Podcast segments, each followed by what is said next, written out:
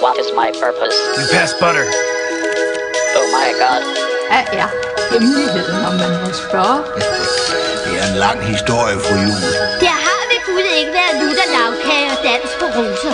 Let's go see if we can make this little kitty purr. Oh look, I have a mask helping me too. Yeah, welcome to the club, pal. Finish him. 60% of the time, it works every time. Without doubt. The worst episode ever. Here we go. What nobody wanna say. We'll be earning dollars turning, cause we mind the pun we weigh. Det står der Ja. i lyrics. Short Paul. Some got gold and oil and diamonds. All we got is Mary J. Legalize it. Time you recognize it. The purple haze. It make me crazy. Make me write new tune. Yeah, that's what pays me. But I'm not the only occupation. Going to get some. I give you education. Wow. Han får smidt meget sammen i sådan en, per- en, en stor pærevælling der, øh, Shonda da Paul. Ja. Jeg kunne læse mig til, at vi må uh, bruge uh, musik i vores podcast, når vi ikke tjener penge på det. Er det rigtigt? Ja. okay. Jamen, så bliver det bare til en musikpodcast. Så det skal vi lave en musikpodcast. musikpodcast. Er det rigtigt, så længe man ikke... Er der ikke noget med, hvad hedder det, Koda der?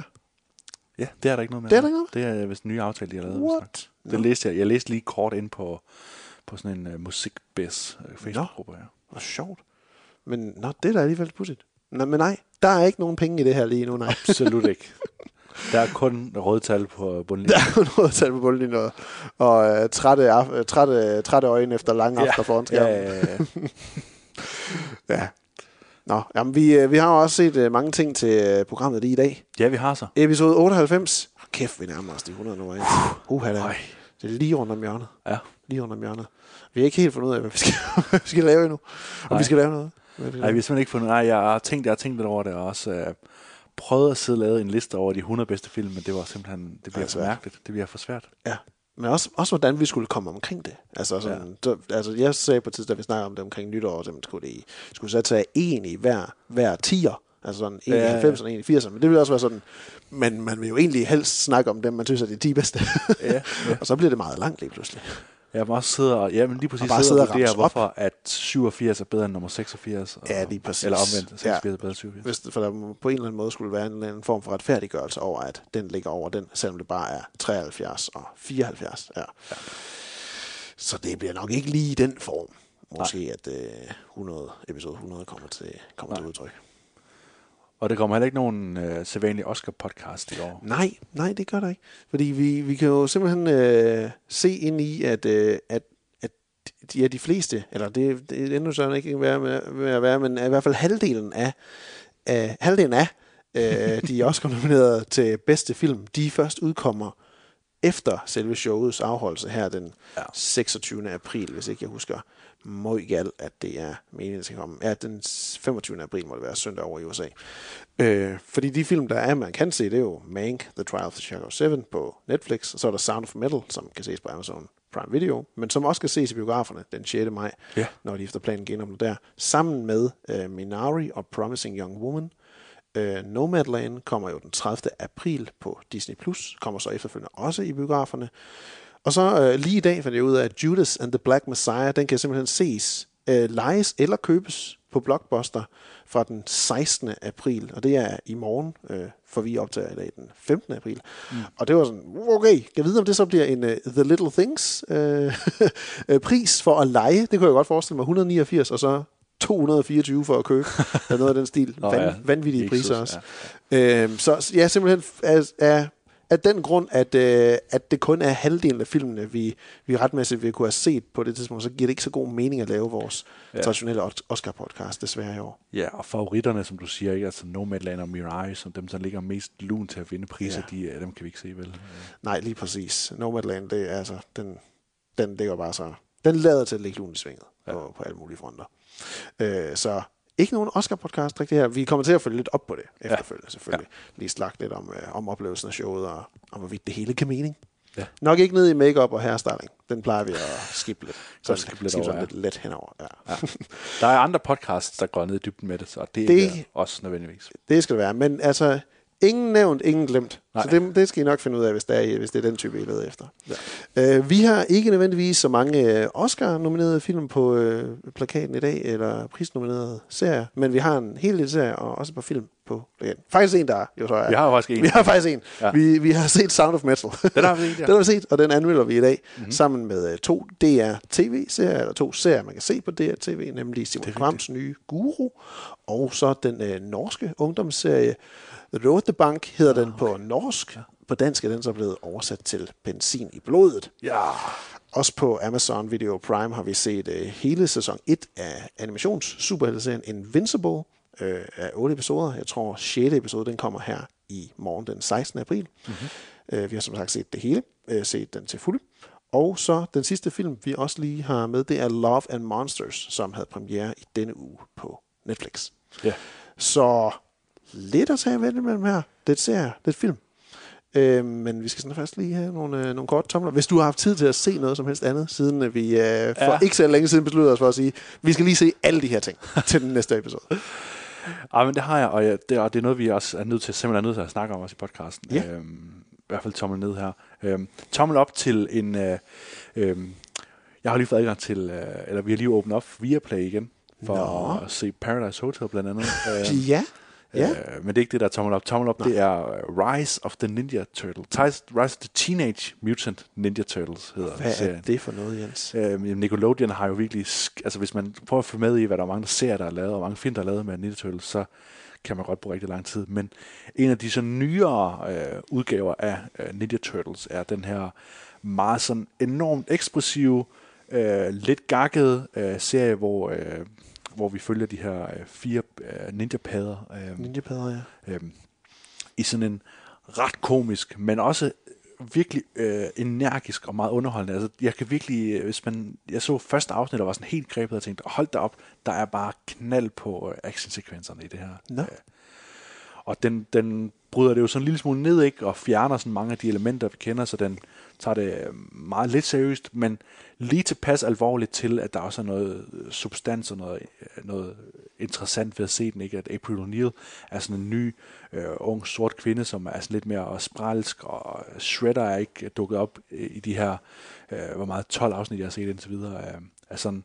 lille, øh, lidt pakket, nærmest Hanna-Barbera-agtig serie, ja. hvor et afsnit er, er to små historier. Men det er jo sådan noget Monster of the Week noget, så hver, hver afsnit, så er der ligesom en, en ny mutant, så, øh, så den er ikke sådan funderet omkring, at det hele tiden er Bebop og Rocksteady Jeg og skulle lige sige, de er forhåbentlig med. Bebop og Ja, Rocksteady. det har, de er ikke dukket op endnu. Nå, efter 12 episoder! Det virker øh, som om, gemmer the big øh, guns. Ja, det virker som om, at de øh, virkelig prøver at, at lade, lade det være en rise, altså lade det være Ja. slow rise. Ja. Er det, hvad, hvad er det, er det ikke, hvad hedder, hvad hedder uh, Shredders? Er det uh, fødderne? Ja, det, det, ja. Foot Clan, det er med. Foot Clan, ja, der, Foot der er lige et enkelt afsnit, eller et videre, hvor de er med os. Uh, Foot Okay. Clan, ja. Ja, det hedder Originals. Men ellers så er det meget Badass. sådan noget, at uh, det hele tiden er en ny mutant. Og hvordan er animationsstilen så? Men animationsstilen er sådan noget, det ligner øh, sådan noget meget ekspressivt. Ikke helt Red and Stimpy, men meget sådan noget øh, Hanna-Barbera. Øh, Ja, Nå, det var det, du sagde. Sådan noget øh, Dexters Laboratorium og hvad hedder det, okay. Samurai Jack øh, Ja. møder noget, sådan noget lidt øh, japansk anime øh, Nå. i actionsekvenserne også. Det lyder da spændende. Og det kan man altså se på, Det øh, kan man se på Viaplay. Ja. på Viaplay. Viaplay, de har fået mange Nickelodeons øh, ting til at ligge der. Nå, ja. det kan jeg godt se. Det ser... Nå, det er det der. Ja, okay. Nå, ja. Øh, min øh, tommel øh, ned, den går ikke til nogen titel andet end, øh, igen, vi er igen tilbage i øh, Williams øh, krop øh, og, og den øh, knap så gode fysiske formåen. Fordi øh, jeg tror jo ikke, simpelthen ikke, jeg har rigtig sådan, altså sådan drukket alkohol siden min polterappen i september. Øh, Oh, ja. Hvilket er øh, meget, meget lang tid siden efterhånden nu. Ja, der fik vi også kørt dernede der. Jeps, jeps, jeps, jeps. Og så, så var der jo lige, øh, så øh, holdt vores gode ven øh, Jesper en øh, sådan julefrokost, øh, Michael Hardinger aften, den dato, hvor vi, vi skulle være blevet gift. Der var jeg så lige på spagophold, og se, hvor fuld I var der, så jeg, ja, det er så også hyggeligt ud. Men øh, der var det også rigtig dejligt i den varme pool, i, eller i den varme jacuzzi. Øhm, men så nu her, siden da, ja, der, her i fredags, der, der prøvede Martin og jeg så at spille øh, In The Office drukspil. Øhm, og det går jo fordi, at øh, vi her det nye år, fordi vi jo bare absolut, vi kommer jo slet ikke ud. Så nu her hver anden fredag, der, der spiser vi øh, mad, laver mad, og så finder vi på en eller anden form for aktivitet, som vi skal lave. Nå, hvor fint. Øhm, altså vi har, vi har så uddelegeret nu, efter lige at have fundet ud af, jamen spidskompetencerne, hvor de lige ligger. Jamen Martes, de ligger nok i at lave noget god mad og finde på noget mad. Mine spidskompetencer ligger mere i år at finde på en eller anden aktivitet, vi skal lave. Så, så nu har vi efter sidste gang lige uddelt sagt, er det ikke bare bedre, at vi siger, du kan stå for det, jeg kan stå for det. Og så ikke dermed sagt, at man ikke giver hinanden, men, øh, men i hvert fald. Og så fandt jeg på, nu, okay, lad os prøve det her, The Office Drinking Game. Jeg, og jeg fandt bare noget øh, på, på, på Google, og, og der var en masse ting. Øh, både hvor man skulle tage et sip af en øl, eller tage et shot. Og noget af det, Så skal sådan, man tage en tår hver eneste gang, Dwight han siger, Michael! ja, eksempelvis. Sådan på den særlige måde, Ja. Michael. Eller hver gang Jim kigger i kameraet, skal man tage en sip. Okay, der okay, eksempelvis. okay, ja. Øh, og nogle, nogle, nogle ting, de er meget sådan episodespecifikke med, at man så skal tage et shot, når det er, at Kevin han spills his chili, og det gør han jo i starten af en, en, en oh, episode. Ja. Øhm, og mange andre forskellige ting. Jan yells at Michael. Uh, David Wallace uh, doesn't fire Michael even though he should. Uh, Michael actually does the right thing. Sådan nogle ting. Der var utrolig mange regler. Så det jeg sagde bare til Martin, du uh, får lov til at vælge, hvilke to episoder vi så skal se, uh, mens vi spiller det her. Hun valgte så uh, The Dundies og Weight Loss. The Dundies, fint. Den første The Dundies, og så Weight Ja. Loss, det er en dobbelt episode, altså en med to Nå, dele, så okay, okay, okay. 40 minutter. Ja. Øhm, og vi startede med The Dundies, og så sagde jeg, åh, oh, det bliver hårdt, for der kunne jeg jo så se, at der var en, øh, der hed sådan, hver gang The Dundies refereres til, eller man ser en Dundee Award i billedet. Så det var den absolut for, mest forfærdelige start, start episode at se det her i. For vi skulle drikke hele tiden. Hun maximerede Og den der. Jeg fik så ondt i min mave af at sidde og småsippe hele tiden. Det skummede ja, over, det det, ja. og kroppen den var tydeligvis ikke vant til at skulle indtage alkohol på noget andet end bare sådan lidt hyggeformåen. Ej, okay. Øhm, havde det ikke dårligt dagen efter, men jeg var virkelig forbløffet over, hvor dårligt jeg kunne klare at drikke alkohol, bare som vi sad og gjorde det der. Så jeg tænker sådan, når det er, at vi endelig må mødes igen på den måde, og, og med fornuft, vi skal sige, at det kan vi godt tillade os. Vi har jo et arrangement her i, i maj, som vi jo håber, vi, vi med hvad hedder, god, god følelse kan deltage i. Ikke? Ja, nu er vi lige lempet for uh, forsamlingsforbuddet jo. Ja, lige præcis, at vi så kan lave en lille posterfrost murder mystery, eller hvad det ender med der. Ja. Øh, at jeg tænker, at jeg er nødt til at, at blive lidt fuld hver eneste aften op til den posterfrost derhjemme, for at være i nogenlunde form, så jeg ikke bare siger, det var forretten, jeg skal lige ned og ligge. Det er jo, det er jo, det rigtige, det er jo den rigtige måde at gøre det på. Ja, ikke ikke, ikke, ikke, noget med, ikke noget med at møde op, og så, så tage det stille og roligt. Man er nødt til at træne op til selve arrangementet. Det var i hvert fald min første tanke mere, end man kunne også bare møde op og tage det sådan lidt sindegas. Men øh, ej, jeg tænker mere, hvis det alligevel er hjemmearbejde der, så bestemmer man jo så at sige selv sin mødetid på kontoret. øh, øh, men øh, så det, det, var en, det var en dårlig oplevelse. Det var rigtig hyggeligt, men det var en dårlig oplevelse øh, at se kroppens øh, formåen på den, øh, den fasong Okay, okay. så du blev skuffet over din evne til at indtage alkohol. Konsumere alkohol, ja, Ja, lige ja. præcis. En tommelfinger ned til det. Det var blot øl, men stadigvæk. Men ellers så kan man, så kan man selv lave The Office drukspil ved at tune ind på Netflix, og så vælge et uh, tilfældigt afsnit, og så finde de der regler på Det er bare Reddit og Google. og lige sådan præcis, lige Ja. præcis. Og så har man, der har man så en fest med det. Så det i sig selv er egentlig fedt nok, jo. Det, det i sig selv er super fint. Ja, Super fint. ja. Jeg har synes aldrig, jeg har prøvet de der uh, drukspil. Har vi prøvet det på et tidspunkt? Det ved jeg ikke. Jeg ved, jeg har prøvet The Avengers drukspil. Ja. Det tror jeg, jeg har prøvet to gange, faktisk. Nå, okay. øhm, og det, er- det kan jeg sgu ikke huske. Det er sådan noget med, at, at øh, hver gang Captain America giver et støn blik, eller, eller laver en ref, øh, filmen refererer til, at han er fra en anden tid, eller whatever det kan være. Ja, der er okay. mange ting også Ja, i ja, ja. The Avengers drukspillet der. Men der kan man også lige komme et par, par øl i bunden der, Ja. vil jeg sige. Ah, fint. Ja. Ja. Ja. Vi har lavet mange power hours. Det er Powerhouse, der har vi lavet. Ja, det er utallige. Nå, jamen... Øh, øh, tommelfinger ned til øh, Netflix's øh, meget bredt øh, set øh, og også kritiseret efterhånden øh, dokumentarfilm Seaspiracy. Seaspiracy. Ja. Har du set Seaspiracy? Jeg, har, jeg så Seaspiracy i, i påskeferien. I påskeferien, ja. Ja.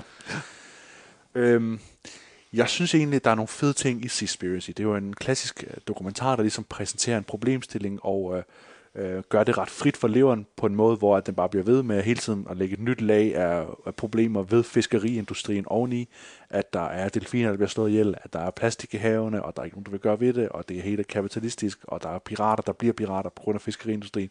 Alt sådan noget der, det bliver bare lag på lag på lag, uden sådan for alvor at udfolde af nogle af emnerne.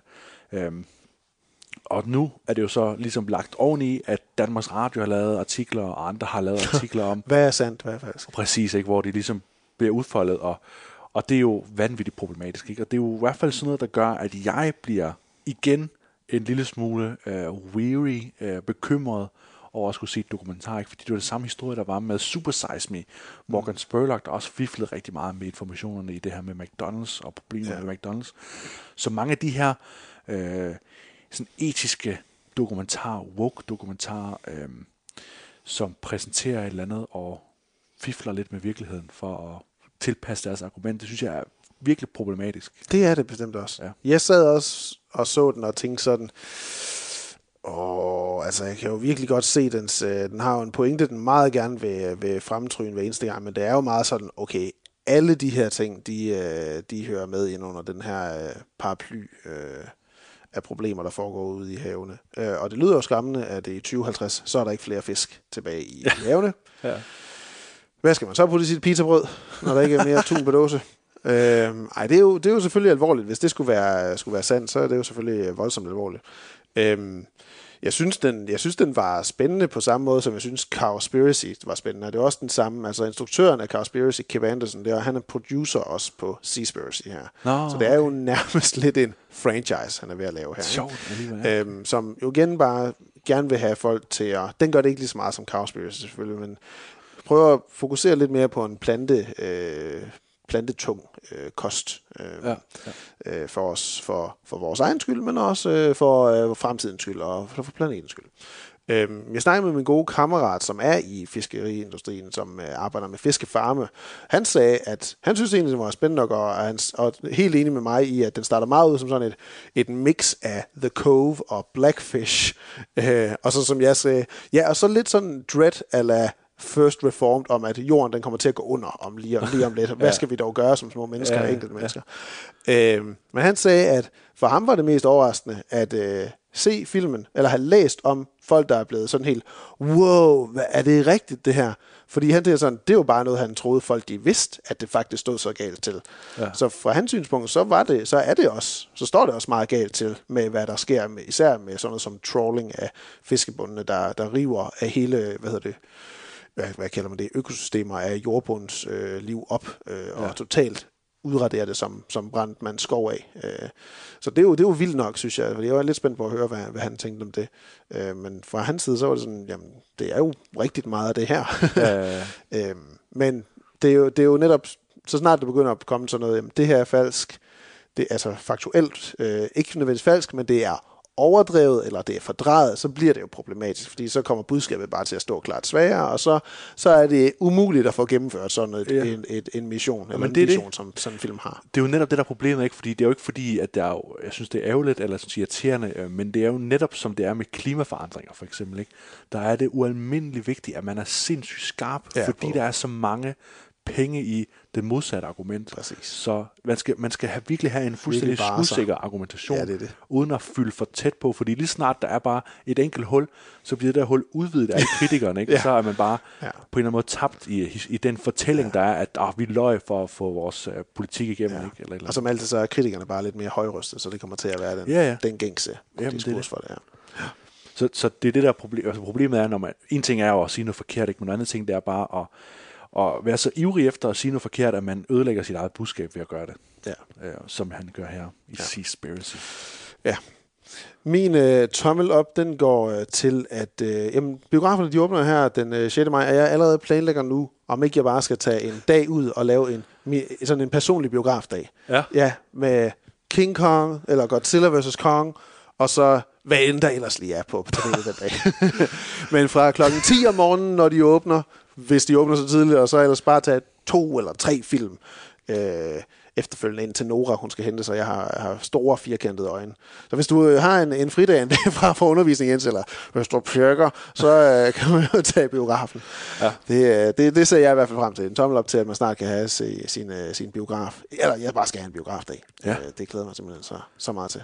Jeg har, siddet, jeg har siddet og set uh, Sound of Metal og Invincible med virtual reality briller på, fordi Amazon Prime har jo sådan en app, hvor man kan What? ligesom have de her briller på, og så lade som om man sidder i en biograf. Nå, Så har Prime ligesom deres streamingtjenester også. Hvordan fungerede måde. det? Det fungerer faktisk overraskende godt. ja, så du føler faktisk, du er sådan, altså, set Sound of Metal på den, øh, på den måde. Ja, sådan- Men er der, er der så god billedvisning i dine øh, VR-briller til, at det er lige så godt som dine Nej, det er flotte klart. Det er jo klart. Altså, billedet i de der briller bliver jo aldrig, når det er sådan et mærkeligt projiceret Ja, brille, ja. billede, men det, er- det er godt nok jo, Okay. til at jeg ikke er generet af det. Og Okay. den der Oculus Quest 2, som jeg bruger, er, Ja. er, teknologien er blevet så god, så det er ret komfortabelt at brillerne på, og, Okay. og sidde i sofaen, øh, og lyden er god og alt sådan noget. Så, Ja. så, så det der med ligesom at se noget på et stort billede, det, er, det synes jeg egentlig er ret meget værd. Ja, okay. Så både Netflix og Prime har apps til det. Nå, hvor sjovt. Men Prime har biograf-scenen, hvor øh, Netflix de har desværre kun sådan en, en mærkelig stue, hvor der stadig er en stor skærm, men Jamen, fordi Netflix, det handler jo ikke om biografen. Det handler om, hvor du nej, kan se det er det hjemme. De, ikke de, det, de, det, de, vil alligevel ikke, alligevel ikke gøre det med ikke, ikke biografen. strække sig helt, men øh, Nej. kun halvt. Det har du ret i. det, er lidt, det er faktisk lidt sjovt. Ja.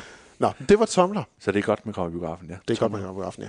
Vi starter med øh, den danske øh, nye satireserie fra Simon Kvam, Guru.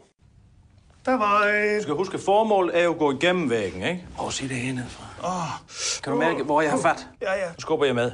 Der er vej! Så en gang. Ja. Kan du huske, vi talte om det her... øhm, perception is reality. Kan du huske, vi talte om det sidste? Vi så Matrix det første gang, du var her, ikke? Det. Ja, ja, ja. Det er jo på et tidspunkt, det er, hvor de er inde i sådan en underlig lejlighed, hvor der sidder nogle øh, skaldede munkebørn derinde og med en skæg. Ja. Ikke også? Jo. Og så kommer ham med læderjakken derinde, og så kan han se, at de kan bøje skægen. Ja, de bøjer den, ja. Og så siger han, hvordan, hvordan er det nu, I kan bøje den der ske der? Ja, det forstår han ikke. Nej. Nej. Og så kigger det det skaldet munkebarn op på ham, og så siger han, det er ikke nogen ske. There, There is, no spoon. Ja, jeg kan godt huske. Ikke også? Jo. Perception is reality. Virkeligheden, den er inde i hovedet. Ikke også? Det er opfattelsen af virkeligheden. Perception is reality. Rigtig, ja. Kan du huske det? Ja, Det ja, talte vi ja. meget om. Ja. Der er ikke nogen væg. Hvis jeg tænker, den er der ikke, så er den der ikke. Bingo. Ja, ja. Hvordan tror du, Lars Løkke kom ud fra Venstres øh, folketingsgruppemøde her sidste gang? Har lige pludselig var han væk. Der vej! Du kom bare ind! Der er meget spas at hente i life coaches og selvhjælpsguruer.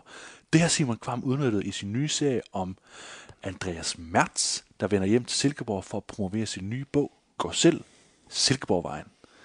Til at guide sig har Andreas sin egen guru med i form af den sønderjyske Master Fenn, spillet af Frederik Silius. Og vi følger Andreas næsten dokumentarisk i processen med forlaget, de hippe Silkeborgenser og den nære ven Ralf, der bliver spillet af Brian Lykke. Serien har ifølge Kvam været undervejs i 8 år, og hvis titlen går selv lyder meget som noget Svend Brinkmann har skrevet, så er det måske fordi Svend Brinkmann altså har været inde over som manuskriptkonsulent. William, Ja. på en skala fra Anchorman til Live fra Bremen, hvor sjov er uh, Guru så? Åh, den er nok mere over i, øh, jeg vil sige mere over i Anchorman. Øh, det er Ah, okay. uden på den måde at være fjollet på den måde, som Anchorman er. Og altså, den er jo slet ikke, altså, den er slet ikke fjollet på den måde. Den har, den har meget fjol i sig, øh, men, men ikke på den her Nej. sådan alt for overgjorte amerikanske måde måske, øh, som det kan have.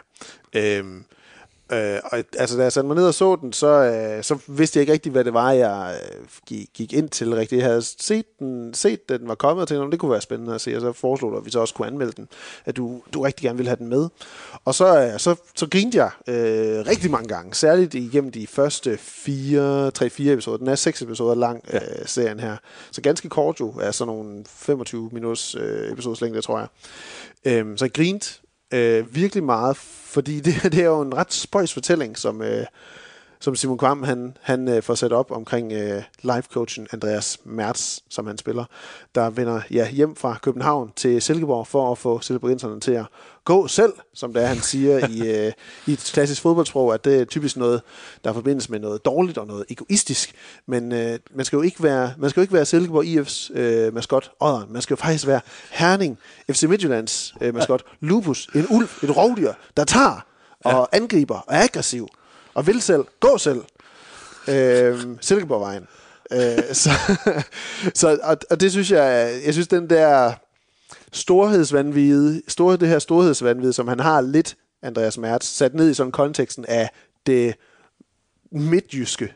Det, det clasher på sådan en ret spøjs måde.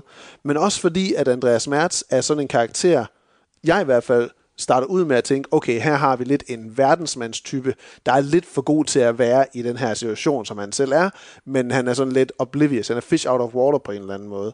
Men, men der, der, der, hvad hedder, det, der, der underskærer han på en eller anden måde lidt Simon Kvam, fordi jeg synes, at han portrætterer jo faktisk Andreas Mertz som en, der er vildt usikker. Ja. mere end en, som en, der bare har sindssygt meget styr på det hele. Han, han, han præsenterer ham mere som sådan en, der er bare er enormt usikker på sig selv, har brug for sin egen life coach, hvorfra han nærmest tager alle de lektioner, han selv bruger. Han mangler bare ligesom det rigtige sted, det rigtige case, som ender lidt med at være hans øh, stakkels barndomsven Ralf, spillet af Brian Lykke der, øh, som bliver hans case. Og, og, og det synes jeg var ret interessant, hvordan han ligesom, ja, omvendt ideen om, at her har vi en, der skulle forestille at komme fra store, øh, hvad hedder det, fra hovedstaden og, og bare fra storbyen, og så ned og få det hele til at ske, men ikke rigtig få det til at ske, men stadigvæk være 100% selvsikker. Og det synes jeg alligevel, der kommer nogle skår i undervejs, at han er overhovedet ikke rigtig altså selvsikker, Andreas Mertz. Nej, det er lidt specielt jo, at han både skal være øh, en, øh, en, en guru eller en selvhjælpsguru, men samtidig have sin egen guru. Ja. Øh, at der, altså der er den her vidunderlige Frederik Silius øh, figur, Master Ja, ja. Fennick, ja. øh, som jo under hele øh, serien isoleret omkring øh, det her hotelværelse, de er på, ikke? Jo. Øh, Som han bor på. som han Master bor, Fenn. ja, så, ja. så Frederik Silius og Master Fenn spiller jo egentlig ikke nogen betydelig rolle for øh, seriens handling, Nej. hvilket er ret interessant, ikke? Ja. Øh, Ja, det er nærmest sådan små lukkede sketches i virkeligheden, Ja, ja. hvor, øh, som vi lige kort snakker om inden også, at Simon Kvam han, og Frederik Silius har kunnet pingponge rigtig meget og ja.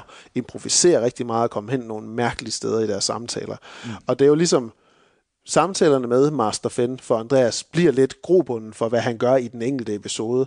Uh, on the other side, success is on the other side of rejection, eller Ja. ja. sådan noget, som Ja. er et af ordsprogene, og reality is øh, projection, eller projection is reality, et eller andet ja. hvor han snakker om Matrix. Jeg tror, jeg tror det bliver brugt i, i soundbiten, vi har til, til Guru her. Ja. Øhm, og, og, og det er bare sådan, det, det er en spøjs framing, der bruges der, med en så spændende karakter, som bare, det havde været lidt spændende også at se Master Fenn ude i sådan virkeligheden på en eller anden måde.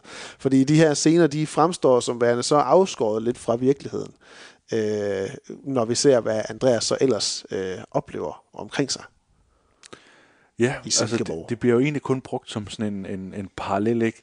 Og så selvfølgelig som en del af den her... Øh, du snakker lidt om, at Andreas Mertz og senere Anders Mertz øh, ja. bliver øh, jo virkelig hele tiden til en parodi på de her selvhjælpsfolk, de her guruer, ikke? Og, og jeg tror, at der i ligger måske også noget af det, der kan gøre serien en lille smule trættende at se, fordi det er sådan en, en pointe, der bliver hamret igennem hele tiden, det er, at vi skal igen grine af, hvor åndssvagt det er, at man ligesom har de her phrases, man har de her øh, navne, man har de her store events, hvor man virkelig skal råbe ud til folk, og energi, og alt sådan noget som gåsæl og alt det der. Øhm.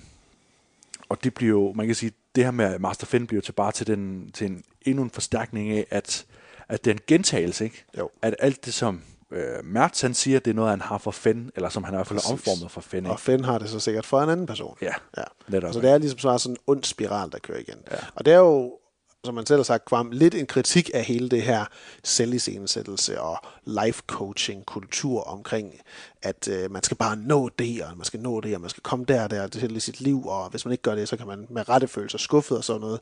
At det er jo en kritik af det, og at han vil egentlig gerne have, at folk ligesom prøver at finde ro i sig selv. Ja. Øhm, og det er bare sådan lidt en, et spøjs, altså det er jo en kritik, men samtidig så, så synes jeg ikke serien på den måde totalt nedtaler Andreas Mertz, særligt ikke med, hvor serien ligesom Nej. slutter. Øh, for det, det, det synes jeg i hvert fald clash, clasher lidt med, Ja. med, med budskabet. Det ved jeg ikke. Det, det, ja, du har ret. Det er en, en, en super mærkelig slutning, som vi lige også så her, inden vi optog, øh, som jo ender et helt andet sted, hvor man sådan regner med, at den vil ende. Øh, på en meget seriøs note i virkeligheden. Altså øh, et sted, hvor man måske prøver, hvor serien virkelig prøver at sådan hamre point hjem, uden det bliver sjovt at sige, jamen, hvor destruktiv kan de her typer egentlig være for, øh, for de mennesker, de, der, de lurer ind i deres, øh, i deres spil og deres øh, sammenhæng.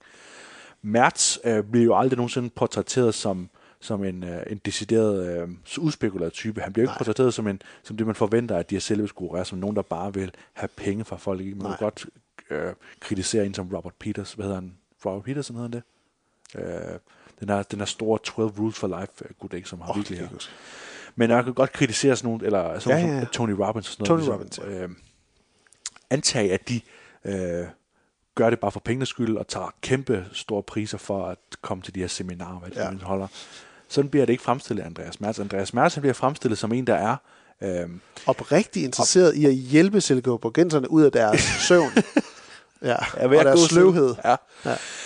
Og, og, det, og det får mig jo også til ligesom at tænke over, hvor, hvor meget, øh, man kan sige, autobiografi, eller hvor meget Simon Kvam virkelig har lagt af sin egen sådan persona i øh, Andreas Mertz. Øh, det er jo i hvert fald ikke et, et tilfælde, at han har valgt sin egen hjemby Silkeborg som et udgangspunkt for øh, serien.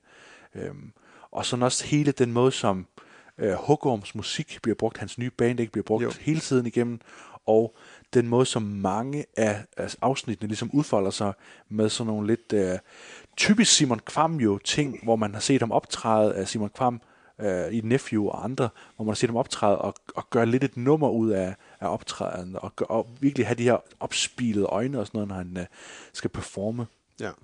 hvilket giver øh, Guru et meget særligt metalag. Øh, man kunne godt forvente, at Simon Kvam har haft brug for ligesom at, at få de her dæmoner ud af sig, som har været den her Andreas Mertz, det her behov for hele tiden at genfødes hele tiden, og, øh, og bare videre, videre, videre, progression, progression, progression, at det har været en ting, han har levet under, mens han har lavet Nephew og de eneste to, og Ja. øh, drengene fra Angora og sådan noget. Øh. Men han omtaler præcis det, mener i et uh, interview med DR, som jeg også lige har mm-hmm. læst, uh, hvor han netop siger, jamen altså tit så kunne han sidde derhjemme og føle, hov, var jeg lige lidt uh, Andreas Mertz over for mine børn nu? Uh, og også selve, ja, og grunden til, at det måske har taget de otte år, det er fordi, at det har været så altså, mentalt hårdt også at acceptere, uh, at uh, han skulle portrættere sine egne værste sider, uh, som Andreas Mertz består af. Ja. Øhm, forfængelighed og øh, rengøringsvandvid, kontrolfreak, alle sådan nogle ting, øhm, som man åbenbart ikke er glad for øh, hos sig selv.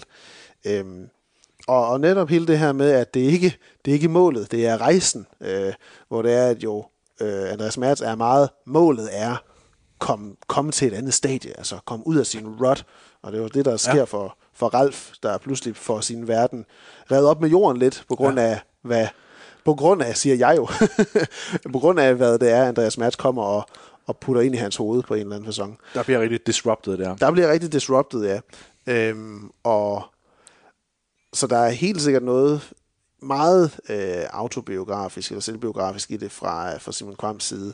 Han siger, jeg tror i interviewet, der siger han også rigtig fint, jamen altså, at man som barn, der synes man, det var super fedt at, at, at bygge en, øh, en hule.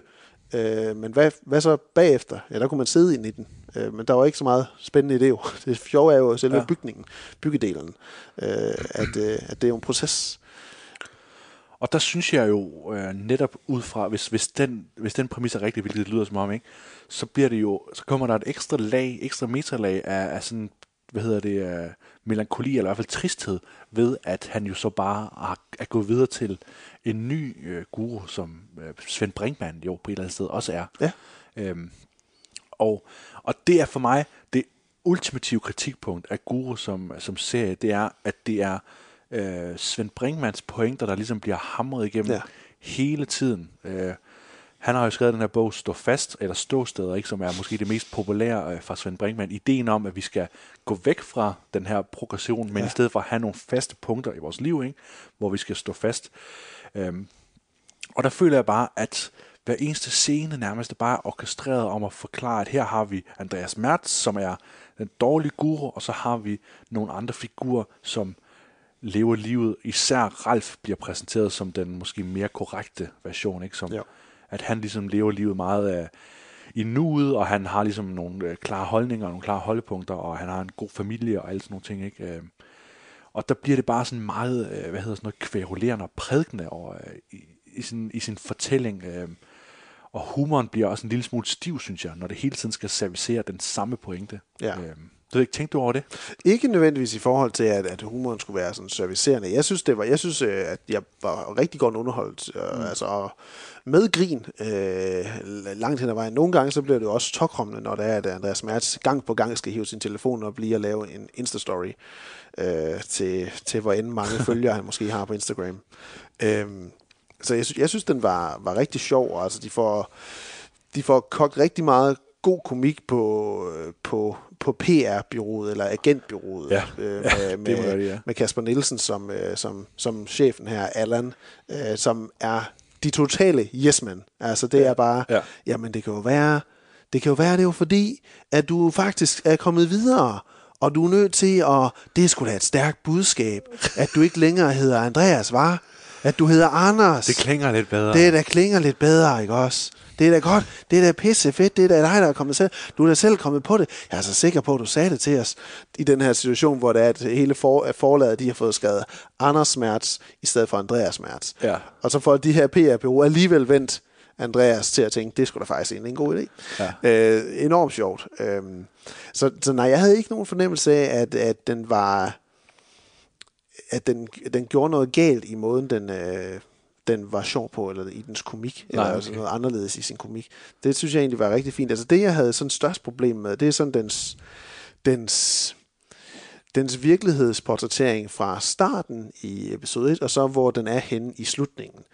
Hvor, hvor starten i, i den verden, vi bliver præsenteret for i Silkeborg og, og gennem Andreas Mertz, lader til at være meget... Kig, kig på Andreas Mertz og tænke, at han er jo lidt en særling. Og det, det tænker Ralf, det tænker øh, TV MidtVest-holdet derude og op til ham. Alle tænker lidt, han er lidt en særling. Øh, det er lidt mærkeligt det her. Hvor Andreas Mertz på den måde ligesom er en karakter ind i virkeligheden. Hvor det er, at vi mod slutningen pludselig har en Andreas Mertz, der jo er blevet mere øh, grotesk i sine handlinger og sin, i den her, det her virkelig mærkelige show, som han har opstillet, gå selv øh, ved lanceringen, i forbindelse med lanceringen af sin bog også, men har et publikum, der er gået med på ideen, øh, og pludselig tænker sådan, jamen han er jo genial, og han er bare så sej, og ja, det klapper ved det, at ham der lige forlod sin kone, og alt sådan noget, det der så godt, så godt, så godt, og de kan se ideen i det. Det er sådan en virkelig mærkelig kontrast, som jeg ikke synes serien særlig godt formidler, at, Nej, at, nej. at omgivelserne omkring Andreas Mertz kommer med på, udover lige øh, Kirsten Lefelds øh, meget øh, seksuelle øh, vandela glaspuster, øh, eller hvad hun er. Ja, hun er sådan en rigtig, øh, øh, hvad hedder sådan noget, new age. New øh, age, ja, lige præcis. Middle age ja, ja, type, ja. ja. Så, så, det, så det, det synes jeg er lidt af et spøjst clash. Det er selvfølgelig også, det kan selvfølgelig også i sig selv være en kommentar på det her med, jamen altså, at alle på en eller anden måde kan blive, øh, kan blive overtalt af sådan en form for nutidig filosof, som en life coach lidt, øh, lidt øh, Ja. pænt kan sige sig være, øh, og, og forblændes af det. Øhm, jeg synes bare ikke rigtigt, at der er så meget af det, Andreas Mertz gør, når han kaster vand i hovedet på Ralf under et Godmorgen Danmark-interview, og andre ting er med til at udstille ham som værende en rigtig lorte person, at det så skal ende ud i et succesfuldt show, det, kan, det er svært ved ligesom at, at se, hvordan et og et skal give to, der, Ja, og to og to skal give fire. Ja. Jamen, det er rigtigt. Der, der, der er man nødt til at bruge Silkeborg som, uh, som en eller anden også en ærgerlig metafor. Man er nødt til at smide Silkeborg under bussen, ikke? Ved ligesom at, at lade dem, Silkeborgenserne, være uh, lidt nogen, der, uh, der, der kører ind på, uh, på nogle lidt slatne præmisser, ikke? Som for Ja. eksempel uh, Anders Mertz her.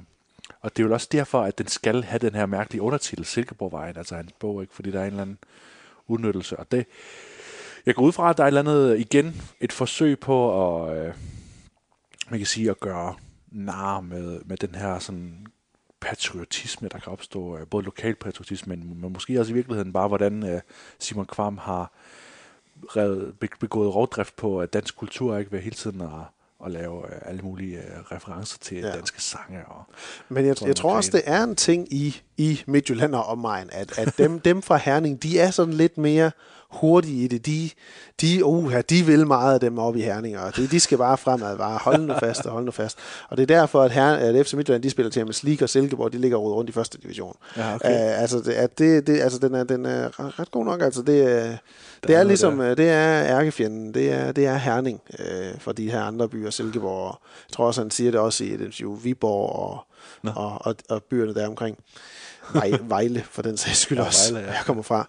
Øhm, så jeg tror helt sikkert, at der er noget sådan kritik, selvkritik af, af området. Ja. øh, som er området betegnet, eller området betonet også.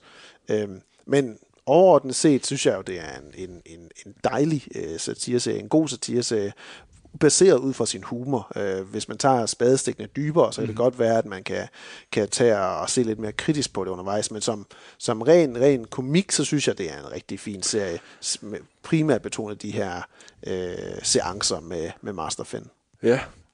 Altså, jeg kunne ikke lade være med, jeg kunne bare ikke lade være med at tænke, øh, jeg synes, der er, noget, der er en masse små sjove momenter, men i helheden, så synes jeg bare ikke, det er en sådan vanvittig sjov serie heller. Nej. Øhm, og jeg kommer til at tænke meget over, hvordan mange komikere, de ligesom har kritiseret øh, Danmarks Radio for altid at ville gå, øh, man kan sige, lidt ved siden af komikken, for at det aldrig bliver aha, haha sjovt, har de Ej, ligesom sagt. ja.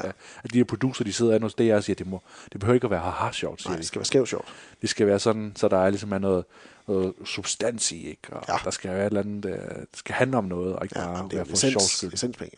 Hvor øh, TV2, de jo gerne laver en, øh, en halslatten version af Saturday Night Live i form af live fra Bremen. Og rundt på gulvet, du. Og rundt på gulvet også, ja. Hvad sker der? Hvad kan vi få sjove ting ud af, hvis, hvis gulvet det lige stejler lidt? Hvis det lige er lidt stejl. Hvis det bliver lidt stejl, og så Nej. lidt mere stejl, kan det så ikke være, at det bliver ekstra sjovt? det gakket. Det kunne jeg godt forestille mig, bliver Ja, ret sjovt. Tumler de ting, ting, de falder ned, og de har svært ved, at de skal prøve at se ud, som om at de faktisk står lige ude. Det kunne faktisk blive ret sjovt. Kan vi lave det? Det tror jeg godt, vi kan lave. Det er vi kan få uh, Erik Petersen fra, uh, hvad hedder det, Home, til at komme og lave det. Han, der, ham, der vandt vild med dans, han kan komme og lave det. Det kommer jeg lave det. Det var en, uh, throw, en throwback, jeg faktisk. øhm, Guru ja. på DR2 og DRTV. DRTV. Også på DR2 bliver den sendt der. Ja, den er blevet sendt i fjernsyn også. Ja, men sendt i fjernsyn også. Ja. store sager som program. Men øh, ja, den kan ses i alle seks episoders øh, samling på DRTV. Nu tager vi den anden øh, serie, der er at finde på DRTV, nemlig Benzin i blodet. Tur er Bø kjent for. Råning. Vil du bli med bussen? Ja, når er det du får lov til å kjøre nå? Vet du, Han blitt gårdråner i to år til. Og for noen av dere her er ikke råning kultur av den rette typen.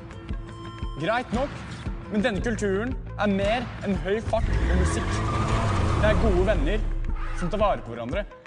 Det er en dannelsesreise i sosialisering, investering Fy faen. Drømmebilen. Kjærlighetsliv og mye, mye mer. Jeg takler ikke sånne seriøse greier, jeg.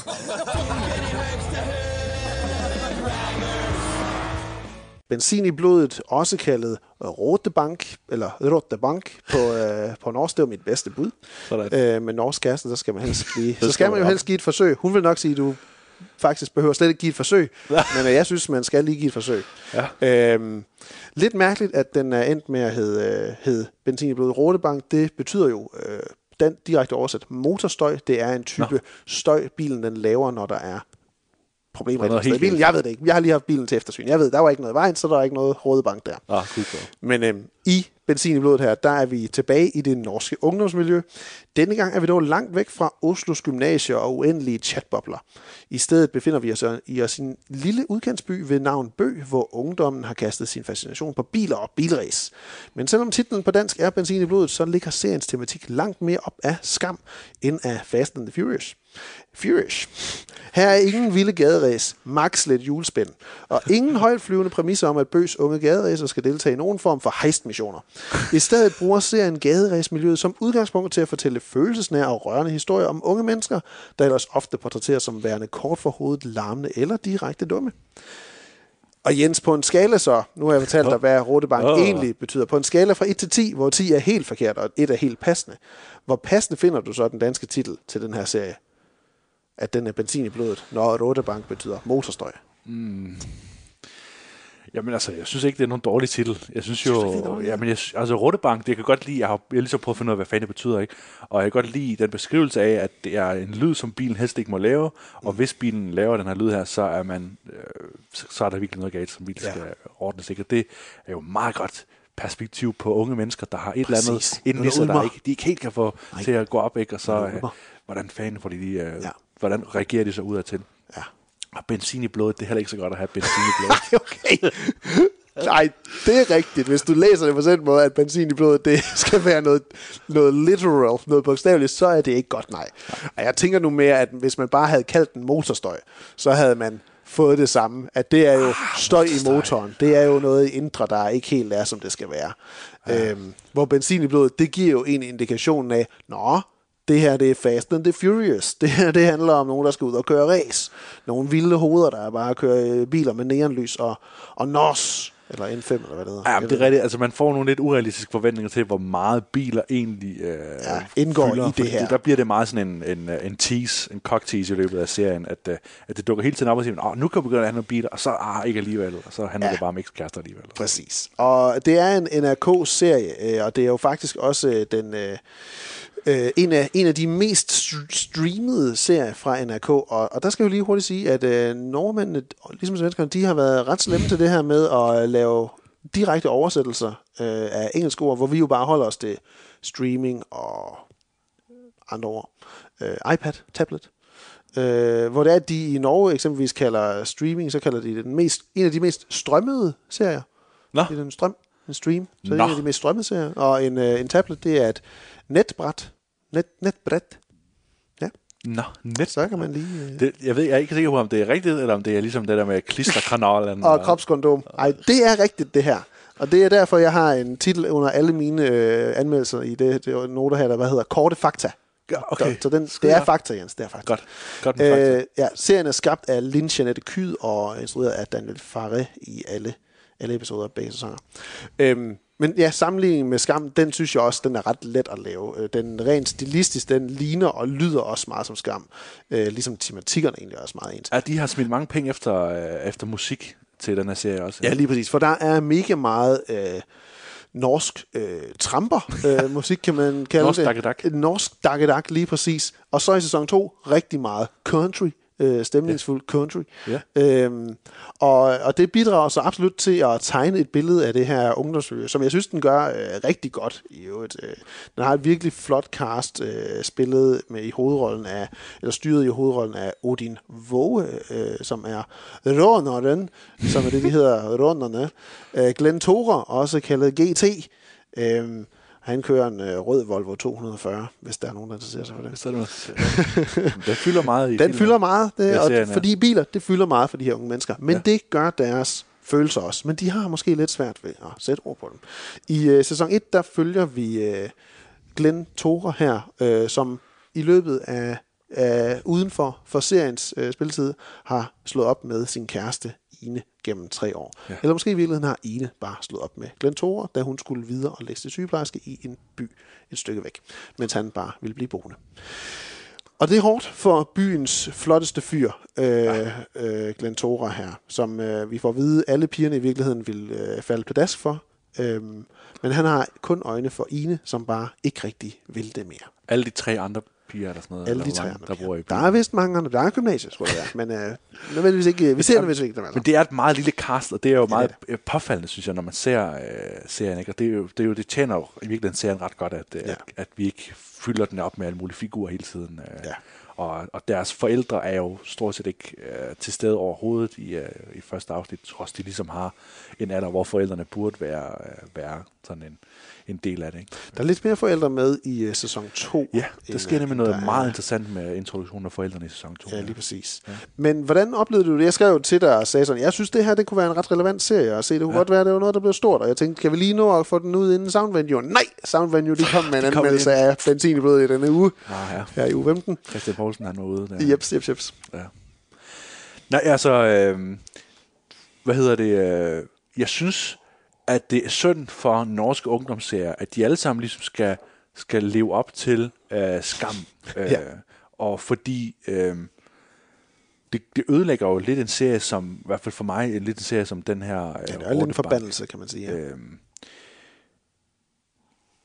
øh, hvad var det, du spurgte om? Du spurgte om... Øh, Jo, men hvad, hvad tænkte du så om serien nu, hvor det var, Ja. jeg anbefaler? Den, den, den kunne jeg godt se, at der kunne blive, den, den kunne blive til noget stort, den her serie, også ja, i Danmark. Ja.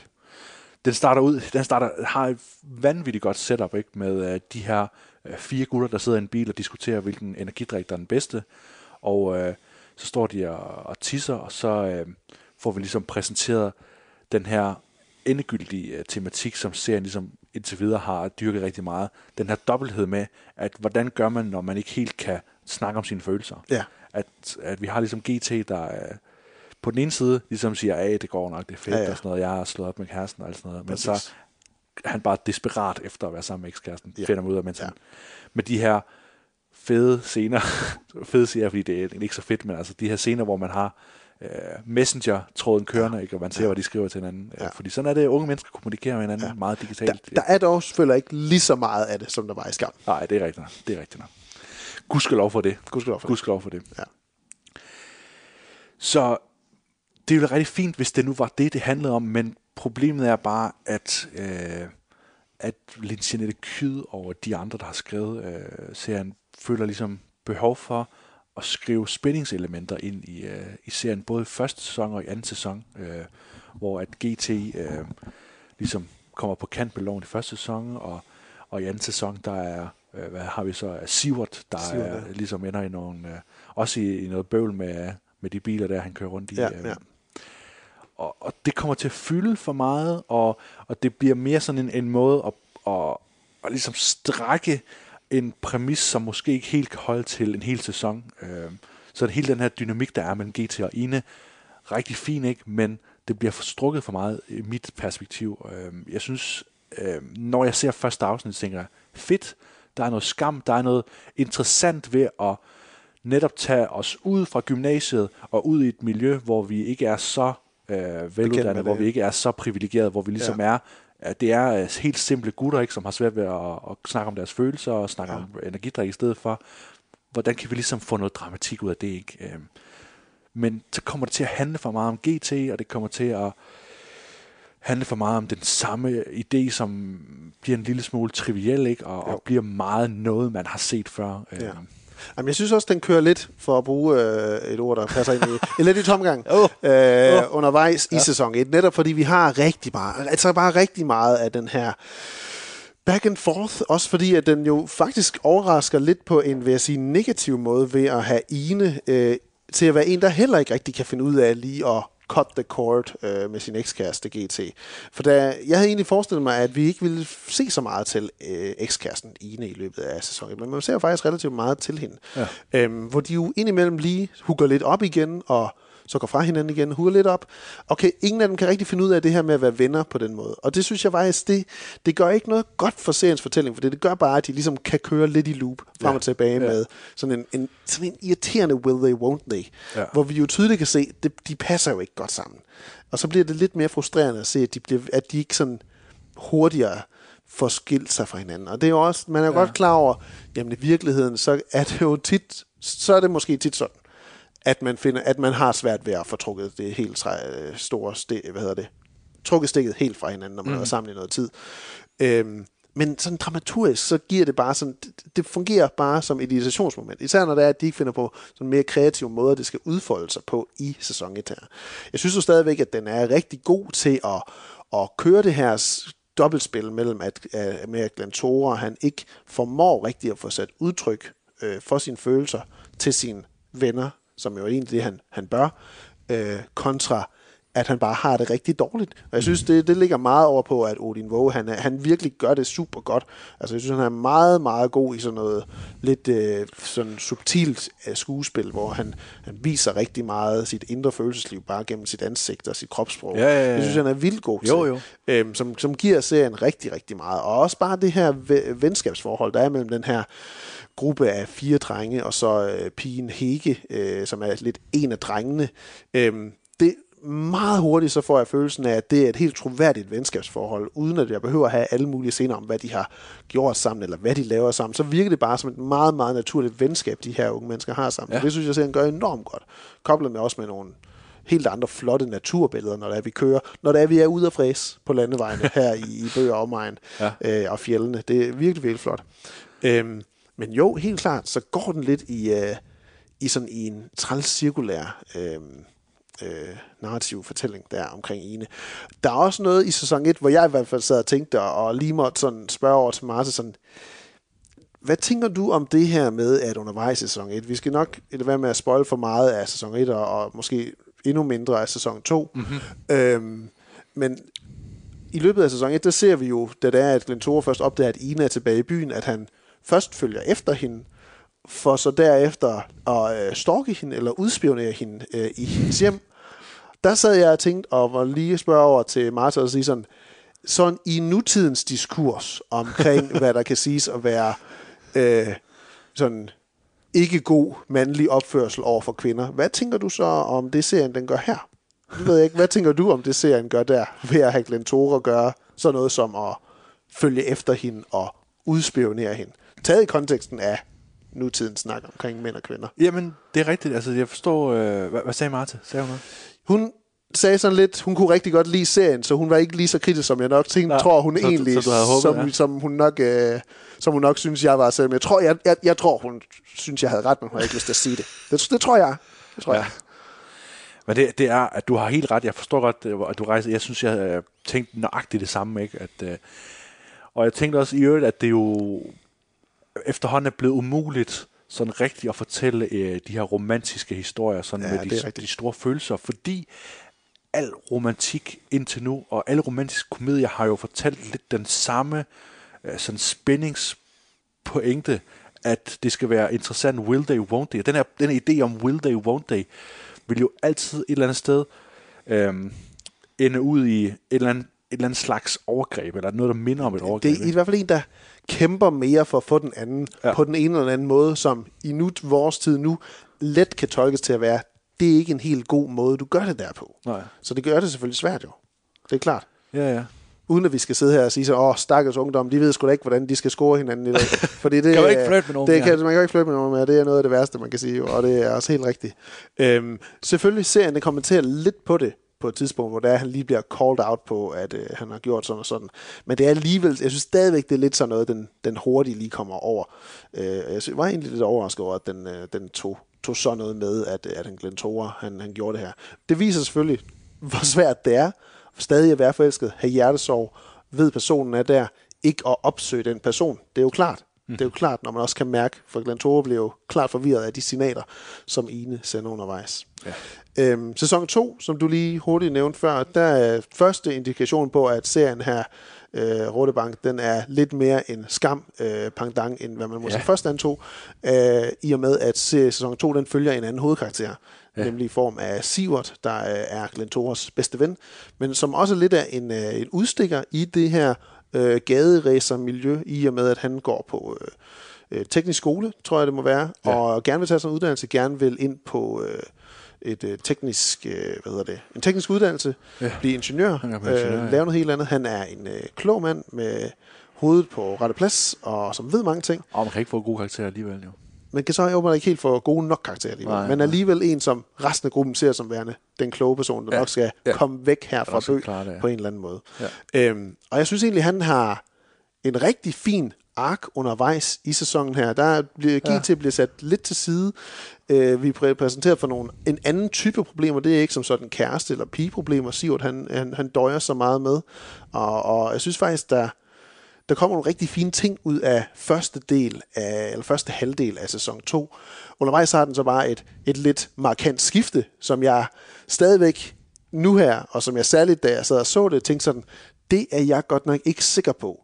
Og det er svært at snakke om lige præcis det her, uden at, uden at øh, komme til at spoile det. Mhm. Mm-hmm. Men jeg synes, det er meget spændende at snakke om lige præcis om den del i sæson 2. øh, at jeg synes, jeg har svært ved helt at synes, at, at serien den fortjen, gør sig fortjent til at tage til det, det, ja. skifte, som den gør undervejs, Ja, i øh, helt cirka halvvejs i, i, sæson, i sæson 2. Hvad tænker du, hvad tænker du om, om sæson 2's Jamen, radikale skift der med at tage en anden hovedkarakter? Jamen, jeg blev øh, sådan umiddelbart rigtig frustreret over det. Ja. Jeg blev sådan nærmest sur over, at man øh, har været så ivrig efter bare at genskabe skam. Ja. Og gøre det Ja. der og bruge det greb der. Ja. Skam bare et andet sted. Præcis. Skam bare med, med, med sådan øh, knap så, øh, så bemidlede gutter, ikke? Ja, lige præcis, og damer. Hvad hedder det? Øh, jeg synes jo, at... Øh, det jo, men så synes jeg egentlig også, at det er ret fedt, fordi Sjur, hvad hedder Sjur Vatne Bren, eller hvad. Ja, han hedder, ikke? ja. som spiller Sivert, nok er, at den, sådan, den der, der står frem som den øh, mest interessante og dygtigste skuespiller. Mm. Øh, jeg synes, de scener, han er med i første sæson, der viser han rigtig meget, hvor, hvordan at det skulle have figureret mere om ham hele tiden. Ja, forholdet mellem ham og Glenn. Ja, også især ja. mellem Glenn ikke? At, der, at der er virkelig nogle scener, hvor man tænker, ej, det skulle bare have fyldt så meget mere. Øh, ja. og, og sådan den her forløsning, hvor Glenn Tore endelig ligesom åbner op for, og, og Sivert ligesom, og vi ligesom skal antage, at Sivert er den næreste ven, ikke? Ja. Øh, den del af det skulle have været åbnet meget mere op, så den ligesom Bestemt. havde været en, en del af det øh, i løbet af første sæson. og Det ja. havde gjort så meget en fordel, øh, forskel, ja. vil jeg sige. Ja. Så når han så ligesom er fokus i anden sæson, så tænker jeg, åh, kan jeg vide, om han rent faktisk er forelsket i Glentora. Uh, han kunne godt ligesom være så god en ven med Glentora, eller hvad der nu sker, ikke? Og, og, og jeg, har, jeg stoler på, at Shure her, han ligesom kan, kan levere, hvad end de nu har tænkt at gøre med Ja. ham, fordi han, er, han virker som om, han har så meget dybde i sin figur, i sin måde at spille på. Øhm, men når der så ligesom er, er en pige, der kommer tilbage til Bøge, og han ligesom skal have en anden, indgå i en eller anden romantisk øh, forhold med hende og sådan noget, så bliver det igen, det bliver sådan lidt for enkelt, lidt for simpelt, og, øh, og igen så får vi også placeret Sivert i, ligesom med Glenn Thor, får vi placeret Sivert i en, i en, et etisk dilemma, hvor han sådan skal være både øh, forkæmper for at deres rettigheder som, øh, som racer, og samtidig også ligesom træffe nogle tvivlsomme beslutninger om Ja. hans måde at, at køre bil på. Ja, fordi i sæson 2, som finder sted lige et par måneder, øh, virker det til efter afslutningen af sæson 1, Ja. der, øh, der følger vi jo så øh, Sivert, øh, som er ved at færdiggøre sin øh, uddannelse fra det tekniske gymnasium, og, øh, og gerne skal ind på, på øh, F-videreuddannelsen et andet sted. Jeg kan ikke huske, om det er Tromsø, eller hvor det lige er henne, de siger. Øhm, og det har han brug for nogle særlig gode karakterer for, og han øh, har også tænkt sig at skille sig af med sin nuværende bil og købe en ny bil. Og her der ser han så, at der faktisk er en endnu federe bil, han endnu hellere vil købe. Ender med at tage et kviklån, kommer i gang der, køber det. Ender med at få en skade på bilen, alle mulige ting. Det bliver pludselig sådan, igen ligesom det gjorde i sæson 1, mange problemer oven i en, hvor man ligesom jamen, kan se, okay, ja, de her karakterer, de skal presses langt ud, før det er, de kommer til deres åbenbaring af, at nu er jeg rede til at åbne mig op over for mine forældre eller over for mine venner. Ja. Og det er jo sæson 2, hvor det er, at vi, øh, vi får lidt forældreindspark i form af Siverts far. Så, øh, han bor sammen med sin far efter øh, sin øh, mors øh, død. Øh, og, og Glenn Toras far gør også lige en, øh, en entré hen imod slutningen. Ja. Øhm, og, og så har den jo så det her radikale skift undervejs, øh, ja. som hvor filmen lidt, eller serien lidt laver en uvending. Øh, og, og, og, og, og, hvad tænkte du om det? Hvad tænkte du om det, Jens? Jeg synes, det var, Hvad var din jeg, oplevelse? Jeg, jamen, jeg synes, det var, øh, det var rigtig godt, og det var, Du synes, det var godt? Øh, øh, jo, en måde ligesom at gøre op med, med den der øh, skamproblematik, ikke? Øh, Ja. og, øh, og så synes jeg, at noget, der var allermest spændende, det er, at jeg sidder også med en følelse, det er, at når afsnit 5 øh, ligesom kommer i efterspillet, tror jeg nok, det er afsnit 5, eller også afsnit 4 i hvert fald, men det er i hvert fald i midten af serien, hvor der stadigvæk er nogle afsnit tilbage, så er jeg lidt nysgerrig, fordi det føles som om, at vi ligesom har fået fortalt en historie, og, og så tænker man også, jamen skal de så bruge øh, tre afsnit på bare at for, fordøje, hvad der ligesom er sket ja. i, øh, i, i den første halvdel af serien. Øhm, og der synes jeg også bare, der sker, netop som du siger, en masse spændende ting, fordi vi netop følger den der, øh, sådan det der forløb der med, hvordan mange af figurerne, øh, Ja. særligt Hege jo, som er sindssygt øh, interessant også Virkelig. øh, i sidste, øh, sidste halvdel af anden sæson her. Ja. Øhm, at vi ligesom fuldt godt afsted med, hvordan øh, at det kan være ekstremt svært at takle følelser på forskellige måder. Øhm, og det bliver meget, det bliver meget vævende at snakke om, fordi man skal jo helst ikke spoile, hvad den, Nej, hvad nej, den nej. lige præcis er, der sker. Øhm, øh, det har jo noget at gøre med, øhm, at den her metaforiske rådebank, ikke? At, den, at der er nogen, der kommer ligesom til mekanikeren med det, og så er der nogen, der ikke når at komme til mekanikeren med det, og så ender bilen ligesom med at køre, gå i stå, ikke? ja, det kan man sige, ja. På en eller anden måde ikke kan man, kan man bruge det på den det kan måde. man sige, ikke? det er flyvsk, ja. Ja. Men jeg er helt enig, altså, efter den sidste halvdel af sæson 2, den, den, den drejer det over i på en måde, hvor det er, at den, den kommer den, et spadestik dybere i de her følelsesnære bånd, som den her gruppe unge mennesker, de, øh, de formår at fremvise over for hinanden, hvilket jo er et virkelig stærkt move af serien at gøre. Men grundlaget for, at den kommer dertil, det synes jeg bare overhovedet ikke bliver retfærdiggjort i den handling, der sker. Øhm, og, og, og det var også noget, som Martin og jeg var, var uenige om, hvorvidt den gjorde, fordi jeg synes, jeg synes det er, er en, et, et ballsy move, men også et snyde move for at få os til at gå et sted hen, som skal. Øhm, for den, den, den handling, der ligesom sker, den, den for at vi som seere skal kunne acceptere den og sige, jamen det giver mening, så er vi jo nødt til, når det er, at vi med den her karakter er, og, er, og er med den her karakter dybt inde i deres øh, inderste følelsesliv, kan se det, kan se, at de er presset og så videre, men alligevel ikke få, altså det er i hvert fald ikke den indikation, jeg fik af, at vedkommende kunne blive presset så langt ud. Øh, der var jeg sådan, det, det følte, jeg følte simpelthen ikke, at den gjorde sig fortjent til at, at, at, at, at lave den øh, plotudvikling, som den gør halvvejs, som den vælger at gøre. Øhm, og så, ja, det, så det, det irriterede mig øh, virkelig, virkelig meget, at, øh, at den virkede som om, at den også på den måde, altså bruger så meget tid sammen med karakteren, bare for at vi så senere skal sige, nu, ja, nu skal vi fokusere på nogle andre i stedet for. Øh, og det, det, det synes jeg var frustrerende øh, at sidde og se, men mest alt fordi jeg synes ikke, at serien den gjorde sig fortjent til at skulle lave den. Nej, det har du helt ret i. Der, der, der er mange steder, hvor at der, der sker et skift, som, som man ikke helt øh, er med på som seer, at man ikke helt er med. Øh, altså, der, der er nogle, en parring også til sidst mellem to mennesker, hvor man tænker, nå, altså det var den er sådan meget lige ud af Ja, set af langt væk i virkeligheden også. Ja, og, og, og som du siger, ja, den, altså den der, det der hurtige skift, eller den der uvending, den tager, øh, er også en lille smule... Øh, men jeg synes, alligevel, jeg synes alligevel, det er, det er effektivt jo, fordi vi så bliver efterladt ligesom Glenn Thor og mange af de andre med følelsen af, jamen det, hvordan kan det være sådan? Ja. Og, og, hvordan, Jamen, bestemt. og der er også en figur i serien, der siger, jamen de her, de her problemer kunne jo egentlig være løst øh, ja. uden sådan så drastiske øh, beslutninger. Men, øh, men og, og, og det synes jeg jo er, egentlig er, er, er, er en fin måde at gøre det på, fordi det behøver ikke... Nej, det havde været federe, hvis det havde været bygget op til, hvis vi ligesom havde set det, de beslutninger, der kom øh, i, i lang tid. Hvis vi ligesom kan sidde og sige, snak nu sammen, tal nu om følelserne, kom nu ud med de følelser. De følelser, kom ud med dem. Jeg synes bare, at det kommer for meget ud af det blå, Ja. ja. når det er, at vi er sammen med karakteren. Vi er på en eller anden måde den, der kender karakteren bedst. Ja. Og altså, så kan det jo godt være en kommentar på, at selv dem, der kender personen bedst, kan have svært ved det. Ja. Øhm, men, det men det fungerer bare ikke Nej. i en fiktionsserie. Ikke det synes jeg ikke, det nej, gør. nej, Øhm, så der synes jeg, det bliver at hoppe over, hvor, hvor gaden lidt er laves for at skabe noget drama. Ja. Øhm, så det var, jeg ikke, det var jeg ikke super godt tilfreds med. Men stadigvæk, så synes jeg jo egentlig, at øh, Benzin i blodet der er en, øh, en ganske glimrende, øh, spændende ungdomsserie øh, med nogle rigtig gode karakterer og nogle, nogle fine tematikker, den præsenterer undervejs. Så jeg er bestemt godt underholdt hen over de her øh, to sæsoner, som, øh, som vi slugt ret hurtigt derhjemme. Ja. Øhm, vi, har, vi, vi har snakket om to serier nu, der begge to har ret gode opkastscener. øhm, Ja, det er rigtigt. øh, og he, altså, særligt der i, i Rotebank, der synes jeg, der er en, en, en vidunderlig øh, opkastscene. Hvornår er det det? Er det sæson 1? Ja, det, er GT. Det, det, er, det er GT, der kaster op Ja. øh, helt til sidst. Øh, Ja.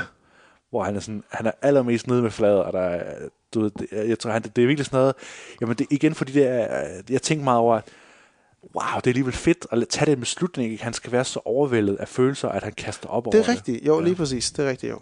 Det er rigtigt. Ja. ja. Det synes jeg var, det synes jeg var rigtig fint. Ja. Øh, Gode opkastscener. Ja. ja. og altså, god musik også. Jeg har, Ja, ja, det lyst, er til, jeg har lyst til at dykke ned i, øh, i, i selv det, der er helt vildt, øh, der skulle være helt vildt dårligt også. Ja.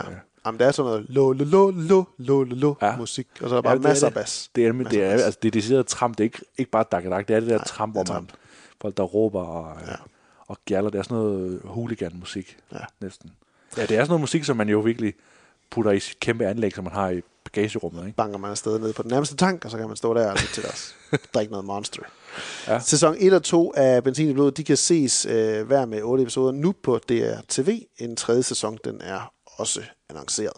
Hva, ja, og hvem, skal, hvem skulle være hovedpersonen i uh, tredje sæson, hvis, det, hvis man Hvis man så vælger at sige, at det skal være en ny igen, så vil jeg jo synes, det giver mening, at det enten var øh, Robert, øh, den her øh, funny guy ven, altså den sjove ven, som åbner sig lidt Nielsen op, der, i, ja. øh, ja, som råber sig lidt op i, øh, i, øh, i løbet af sæson 2 også. Øh, Hege vil give mening også, naturligvis. Ja, ja. Men øh, jeg tænker måske, at, øh, at vi fortsætter i samme crew i hvert fald, Ja. øh, også med, med GT i en markant rolle. Og GT en det tror jeg, stadigvæk, det tror jeg i ja. hvert fald, ja. Lad os hoppe til ja. øh, vores øh, Oscar-nominerede film. Ikke vores, øh, men, øh, men en Oscar-nomineret film, nemlig Sound of Metal. Sound of Metal! Og det var traileren til Sound of Metal.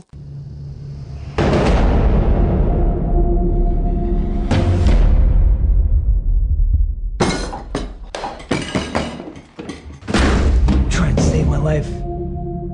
Ruben, the world does keep moving. It can be a damn cruel place. But those moments of stillness.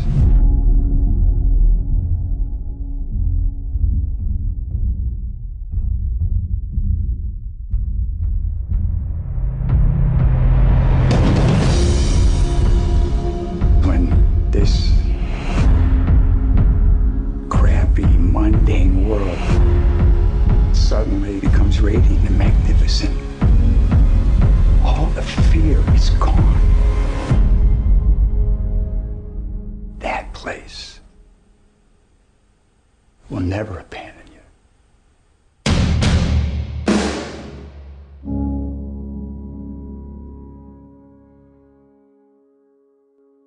Siden jeg øh, første gang i 2019, tror jeg efterhånden det var, så det første officielle billede fra Sound of Metal, hvor man ser Riz Ahmed med afbladet hår, bar overkrop og spækket med tatoveringer siddende ved et trommesæt, så har jeg været enormt spændt på at se, hvad den her film ville øh, være for en størrelse. Filmen den er instrueret af Darius Marder i hans, så vidt jeg lige kan se, øh, spillefilms debut. Øhm, ikke overraskende, når man ser, at Derek Cian France han har en tilknytning til filmen. Han har været med til at skrive historien sammen med Darius Morter, og så er den ellers senere blevet omdannet til et screenplay af Darius Morter, og så hans bror Abraham Morter. Øh, øh, filmen her var også originalt tænkt som en film af Cian France, der skulle hedde Metalhead. Ja, det er rigtigt. Metalhead, ja. Men ikke overraskende, når man ser Sean Frans tilknytning til filmen her, så er det, at vi i Ruben præsenterer, præsenteres, i Ruben præsenteres for en hovedperson, som befinder sig på kanten af sin tilværelse. Han er så at sige ikke langt fra at krakalere hele tiden.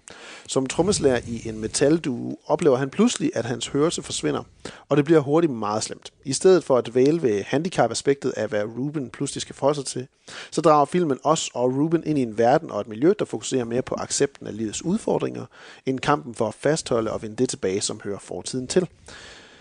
Men vi starter et helt andet sted, synes jeg lige med den her film, fordi frarøvet utallige musikalske oplevelser og anmeldelser det sidste år, Jens. Hvordan vil du da kort anmelde Blackgammons musik, hvis du skulle give en kort musikkritisk anmeldelse af Blackgammon, som er duen, metalduen her, øh, med Olivia Cook, øh, Lou og øh, Riz Ahmed's Ruben. Jamen, uh, Blackgammon som uh, duo er en, uh, en mere sådan psykedelisk og mere uh, tyngdebetonet version af, af den her opgidtige New York-duo Slave Bells, som jo er guitarist og sanger, men i det her tilfælde så Ja. trommeslager og sanger. Um, der er nogle tydeligere referencer til metalgenren, men vi er alligevel bevaret i noget progressivt. Altså, metal er bare et lag, der bliver brugt til nogle sådan tydelige politiske budskaber i, uh, i musikken uh, hos Blackgammon. Ja. Så sådan vil jeg beskrive det, og, og jeg synes uh, egentlig, at Blackgammon virker som uh, et fedt band. Uh, ikke som decideret metal jo, det er ikke sådan metal, man tænker det vel, men, uh, men, uh, men det har i hvert fald den støj, man forbinder med uh, metal. Det til siges. Og det er jo så åbenbart en støj, der måske har medvirkelse til, at uh, Ruben han pludselig uh, under forberedelsen til et show, han ja. begynder at miste hørelsen. Øhm, som første gang, det er ikke første gang, da det sker, øh, synes jeg indleder en sådan lidt længere klaustrofobisk tilværelse. Jeg har set den to gange nu, øh, Sound of Metal, øhm, og, øh, og jeg synes simpelthen, den var så god. jeg tænkte, den vil jeg altså lige se en gang til. Øhm, ret klaustrofobisk. Den er også den er nomineret til bedste lyd øh, ved ja. Oscar-uddelingen. Med god grund, synes jeg. Fordi man får, den formår virkelig, virkelig godt øh, at sætte os ind i hovedet på Ruben, og den forfærdelige fornemmelse, det må være, ikke at høre lyde og høre verden på den måde, som man er vant til. Og den bliver første gang bare øh, erstattet af den sådan høj hyletone, øh, en tinnitus-tone, øh, ja. hvor man gradvist kan, man kan godt høre nogen trommeslag eksempelvis, men senere så bliver det jo bare mindre og mindre og mindre af, hvad han kan få, få med sig. Øhm, og på alle mulige måder, så øh, overraskede filmen mig i virkeligheden, fordi jeg troede, den ville have langt større fokus på det her aspekt af, jamen han har mistet hørelsen, hvor ej han ville være omkring det hele tiden, og hvordan han ville prøve at få karrieren til at fortsætte med mindre hørelse. Men filmen, som jeg siger i indledningen her, den går jo langt mere over i at fortælle en historie omkring accepten af sin tilværelse, så snart den er, at den bevæger sig over i, fordi bevæger sig over i den del af filmen, hvor det er, at vi møder Paul Racis øh, karakter, øh, som er nomineret i bedste birolle, bedste mandlige birolle. Ja. Paul Racis som Joe, der, der leder sådan en, øh, hvad skal man sige, et, et, et, øh, en lille, øh, hvad, hvad kalder man det? sådan en lille, øh, ikke institut, kollektiv. et lille kollektiv af, af døve, øh, som, som lever som døve i et lille samfund der, øh, med fuld accept af hinanden, og med formålet af at skulle hjælpe nogen, der også er øh, misbrugere på en eller anden fasong, men døve samtidig med. Døve misbrugere, ja. Døve misbrugere, ja lige præcis. Øhm, så det, det, det, det var jeg meget overrasket over, at den havde sådan en rigtig sådan human, nær fortælling i sig, at, øh, som den formår at formulere rigtig godt, uden altid lige at bruge, øh, bruge ord, som, øh, som vi forstår dem. Hvad med dig, Jens? Hvad tænker, hvad tænkte du om uh, Sound of Metal? Øhm, jeg tænkte, at det jo virker helt imponerende, hvordan Darius Marder bare har lavet en Derek Cianfrance film. øh, øh, på, på, jamen, øh, mest på godt i virkeligheden, for det, det er jo godt, det han laver Cianfrance. Øh, og jeg synes ikke, der er noget galt i, at det bare ligner totalt det, jeg vil forvente, øh, at Cianfrance har Nej, lavet. Øh. nej. Øh, så det var mit første indtryk, og det, og det, det, det er jo fordi udtrykket er, som det er. Øh, den måde filmen er fotograferet, så er det bare rigtig flot at se på, men der er stadigvæk det der sådan grå, øh, blå lag, som man kender fra, Ja. øh, hvad hedder det? øh, Place Beyond. Place Beyond the Pines og Blue Blue, Blue Valentine. Valentine. Ikke? At, øh, at vi har ligesom den der lidt melankolske øh, tone til farverne hele tiden. Ja.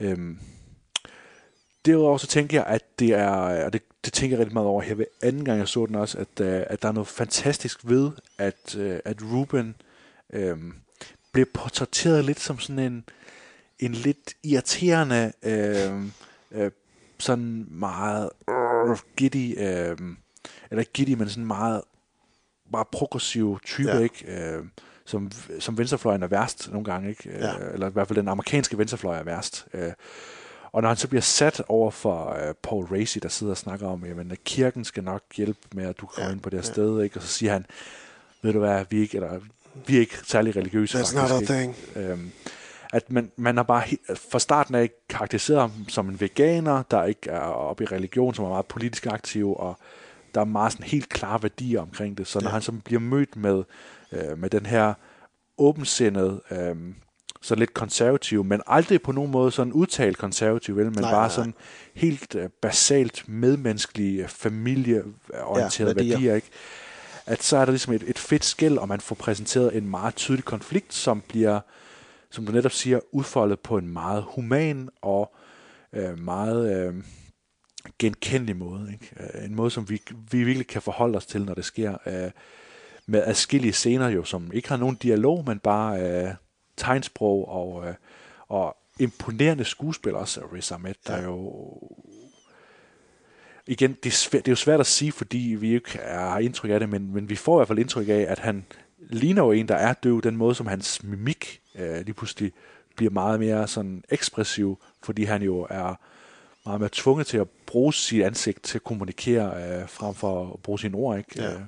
Ja, han havde, jeg læste, at han havde øh, et 8 måneders øh, forberedelsesforløb, hvor han øh, hver dag havde øh, nogle timers øh, tegnesprogsundervisning, nogle timers trommeundervisning, nogle timers øh, fysisk træning for at komme i form, og så øh, nogle timers øh, øh, gennemgang af manuskriptet. Øh, øvelse af, af, af lines selvfølgelig.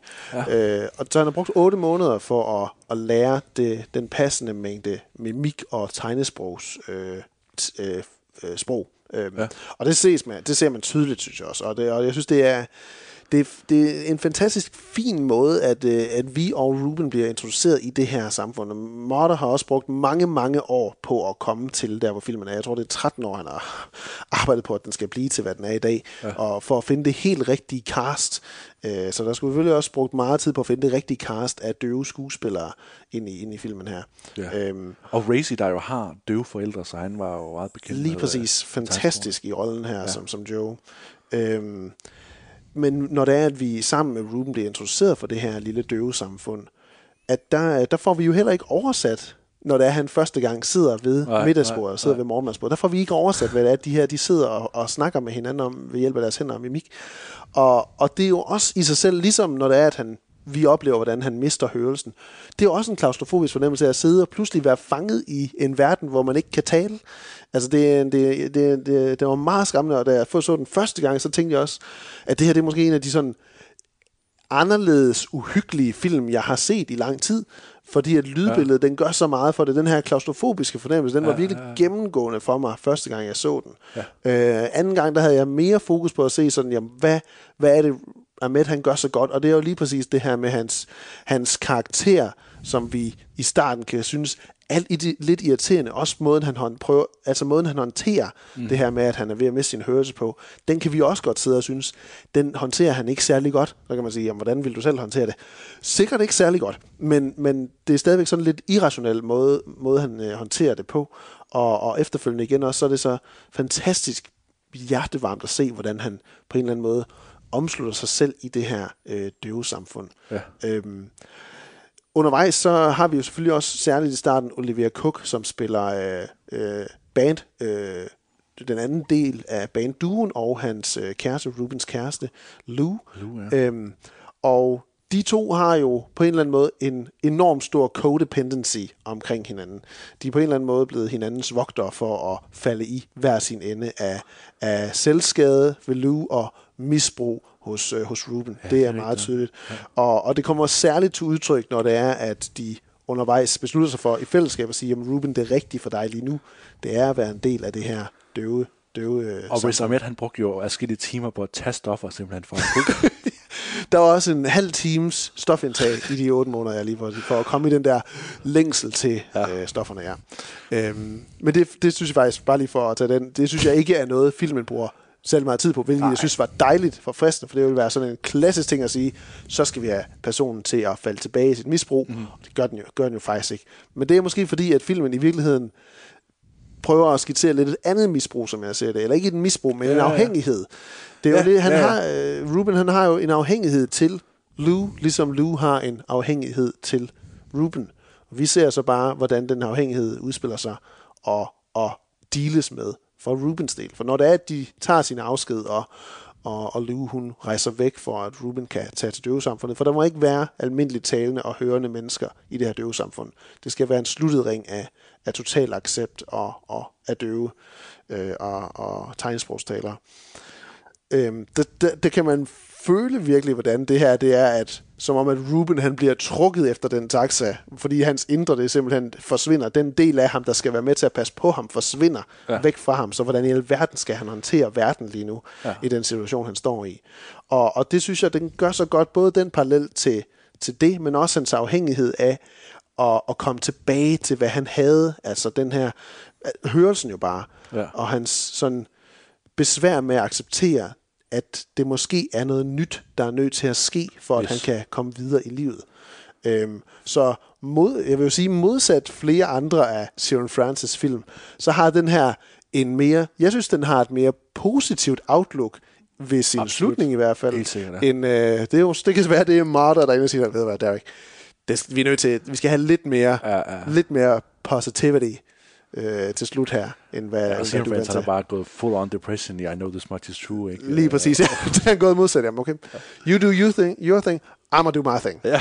Mark Ruffalo, hvad har du? Men det har du fuldstændig rigtig, ret i. Det vil jeg også sige, hvis, hvis der skulle være noget, så er det jo, at Cian France har jo nok strukket frustrationerne og det depressive ved, uh, ved uh, Rubens historie langt mere. Ikke? At der havde, fyldt, der havde det fyldt mere med stofmisbruget, og, og, jeg tror også, at overgangen fra at ligesom komme på det her sted til ligesom at, at langsomt integrere sig, havde også været længere. Øhm, Ja. øhm, Ja, for vi kommer ret hurtigt over i, at han begynder stadigvæk at acceptere mere og Ja. ja. falde fald, fald til. Ja, vi ser hurtigt nogle, altså nogle helt fantastiske scener, jo, hvor han står i klasseværelser, og han ind, ind, ind, øh, indgår i, i sådan, øh, hvad hedder det, samarbejde og dialog med, med, med de her børn, ikke, som også er døve. Ja. Altså helt vidunderligt flotte ja. øh, scener, som jeg er, virkelig betaget af. Altså den del af det er, er nok det stær- altså noget af det stærkeste øh, i filmen, vil jeg sige. Øh, Ja. Fordi det er så, det er så rent. Øh. Udover selvfølgelig uh, Racy, som, uh, som er det totale anker ved filmen. Altså uden ham, så havde filmen været uh, knap så, uh, så, så substantiel, som den er. Uh, og han kommer jo så også til at levere uh, sådan den, den absolut mest direkte uh, tematik i Ja, filmen, vi, får, vi nogensinde får. Ikke? Uh, Ja. Og det kan, det kan, jeg tror, det kan for nogen være en lille smule træls at få det øh, ind med ske på den måde, som, øh, som Racis øh, replikker er, men, men han leverer dem godt, og så kan man sige, det er jo, det er jo bare rart ikke at det gør jo en, en god Oscar-film, at vi alle sammen forstår, hvad pointen er, at vi alle sammen forstår, at, øh, at det her med at blive handicappet, handler ikke om, at man skal finde ud af, hvordan man kan løse sit problem. Det handler om, at man skal indfinde sig med at, at, at, at være i den nye situation, man ja. er i. Ikke? Ja, lige præcis. Ja. Lige præcis. Og altså, jeg, og vende tilbage til det her, en af de her scener, hvor der er, han, han er i skolen her, øh, eller med, med de andre, med døve børn, Ruben her, så, så, så er det jo sådan, også et tydeligt ubehag, han, øh, han udviser her, Riz Ahmed, når det er, han for første gang er med, og skal prøve at sige sit navn, og ikke aner, hvad han skal. Og man kan se sådan frustration i ham, og han føler lidt, det er pinligt, fordi han står jo over for en klasse af børn, som kan meget mere, end han kan. Ja. Og han skal totalt affinde sig med at være startende på nul. Ja. Øh, men så, bare, så er glæden bare desto meget større, når man ser, han, når man ser ham rende rundt med dem og lave trommeundervisninger, og han sidder udenfor og trommer på en, øh, en metalrutsjebane, mens den anden lille dreng nærmest sådan helt, øh, helt, hvad hedder det, i total afslappning læner sig ind over øh, hvad hedder det, den her metalrutsjebane, fordi han hører noget, Ja. når det er, at Ruben han sidder og trommer på det. Ja, fordi ja. det giver en vibration i Ja, hørerne. ja. Øhm, og, og det, det er undervejs, så, så, så er lige præcis som du siger, Paul Racy, det her, Joe, det her sådan moralske anker i, hvad det er, hvad det er egentlig filmen gerne vil have, at du skal fokusere på. Det er den her sådan meditative fornemmelse omkring det, den indre ro, vil den gerne have, at du, Ja. ja. du tager et fokus på. Hvor det er, at det er første til allersidst, at det går op for Ruben, hvad det er, at Joe har prøvet at fortælle ham hele tiden. Øhm, for der, for der, der er nogle, den, den, den halter lidt i sin afslutning, synes jeg, hvor det er, at uh, Ruben han, han uh, forsøger at reconnecte med Lou. Jeg synes ikke, den, Ja. den, den bliver ikke helt lige så stærk, som de første dele af filmen bliver. Nå. Øh, og men den har nogle super fine scener, hvor det er, at vi, hvor det er, at vi ser, altså Ruben han tager nogle steps for at prøve at få sin hørelse tilbage undervejs i filmen. Mhm. Mm-hmm. Men det bliver ikke den hørelse, han, han husker. Øh, Nej, og der er sådan nogle skønne scener, hvor det er, at vi igen det her fantastiske arbejde med lydbilledet, vi hører, som ja. man normalt vil høre i filmen, smuk sang, klaverspil, der så gradvist går over i, hvad det er, Ruben Hvad er, hører, Ruben og hvor skræmmende et lydbillede det pludselig er for ham. Ja, ja. Og, og vi selv kan sidde tilbage med spørgsmålet, hvad er egentlig så måske? vil man foretrække, ja. Hvad vil man måske egentlig foretrække? Ja, Øhm, så, så det, det jamen altså, jeg var meget, meget betaget af, af Sound of Metal øh, Mm. på, på alle mulige måder. Utrolig flot filmet, enormt godt skuespil, og en virkelig, virkelig dragende historie, som, som efterlader en med mere håb end, end depression. Ja. som vi ellers også godt kan lide for Derek. Ja.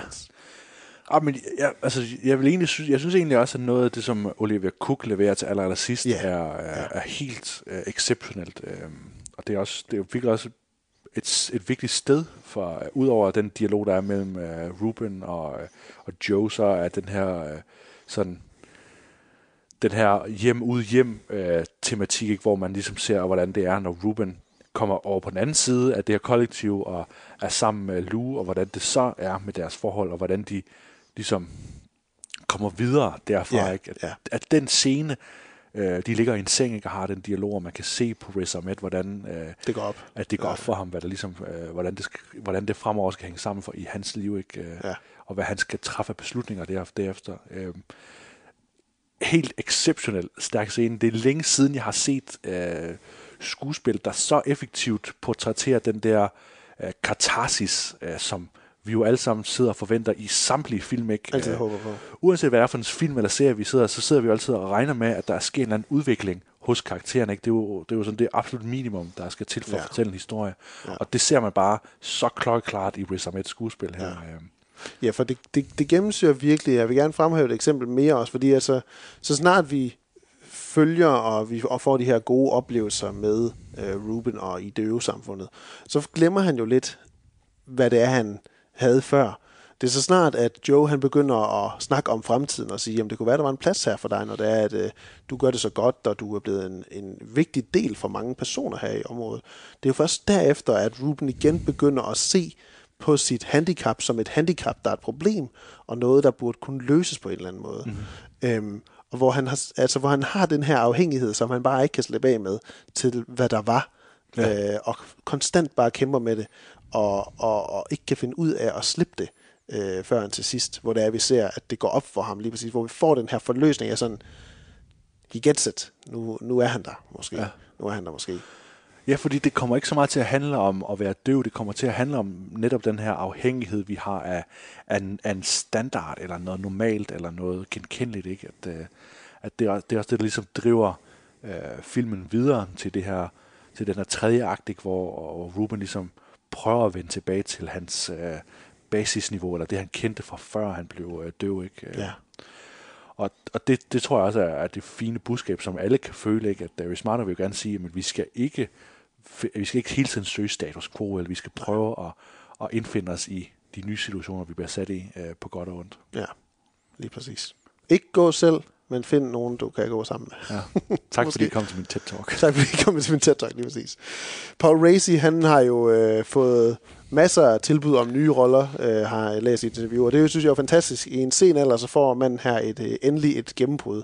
Øh, læste jeg, at han har jo gået til utallige auditions for altid for at vide, at de gik med et, et navn i stedet for. Altså, de gik med en skuespiller, der var et, et kendt navn i stedet for, for ham. Og jeg, altså, på grund af hans udseende, hans type, hans, hans aura på en eller anden måde, hans karisma, så ser jeg ham øh, komme til at blive set i mange kommende sci-fi film som en eller anden, et eller andet orakel-type. Nå, ja. Altså, jeg, kunne lige, jeg kan lige se ham, altså, kom Blade Runner 2049 næste år eller om to år, så havde Paul Racy en rolle dag. Det er jeg simpelthen 100% sikker ja, det er han, han slår mig fuldstændig som sådan en type, der vil blive castet til den type film, sci-fi film ja. i fremtiden. Så det er jeg ret spændt på at se, hvad han, han kommer til at, at kunne ses i fremadrettet. Han leverer, leverer, leverer i hvert fald en fantastisk øh, præstation her i. Og jeg tror også, havde Chadwick Boseman ikke øh, lavet Marines Black Bottom, og, og så desværre død, så tror jeg altså også, Riz Ahmed, han havde taget øh, bedste, jeg tror bedste det. det. det tror jeg. Jeg synes, han er helt eminent i, i ja, men det, ja, det er, altså, han er klart en af de, uh, de bedste i det felt der. Um, jeg tror, jeg, jamen, jeg tror ikke, jeg tror ikke, at den vinder nogen skuespilpriser. Til gengæld, Nej. så uh, ja. er det jo meget sandsynligt, at vi har en dansker, der vinder en Det er muligt, ikke? efter han tog uh, Mikkel E. Uh, hvad hedder han? Mikkel E. Højer. Mikkel, e, Mikkel E.G. Nielsen. E.G. Nielsen, ja. ja øh, efter han vandt en, en BAFTA. Ja. Det var ganske fantastisk for bedste klipning. Øh, og ja, udover bedste mandlige skuespiller og birolle, så har han så også som sagt bedste film. Bedste klipning af Mikkel E.G. Nielsen. Med øh, bedste lyd og bedste originale screenplay. Ja. Som så må gå til øh, Darius Morder og Abraham Morder. Altså ikke Derek Zero France, fordi det kun er story by Zero France. Ja. Og, så det er sikkert, at de har siddet og skrevet ned, og så er det blevet lavet det screenplay, og så tæller det åbenbart ikke som det. Det er en mærkelig proces. Ja. Men altså, Sound of Metal, den kan ses øh, på Amazon Prime Video nu. Ja. Man kan også vente til at se den i biografen, hvis man vil det, når der er biograferne, de åbner den 6. maj. Vi tager en, en filmtitel mere, om end bare over på øh, konkurrencekanalen Netflix. The day of the monster uprising was the day I lost everyone. Only a small fraction of humanity survived to move underground. I've been scanning for Amy the entire time.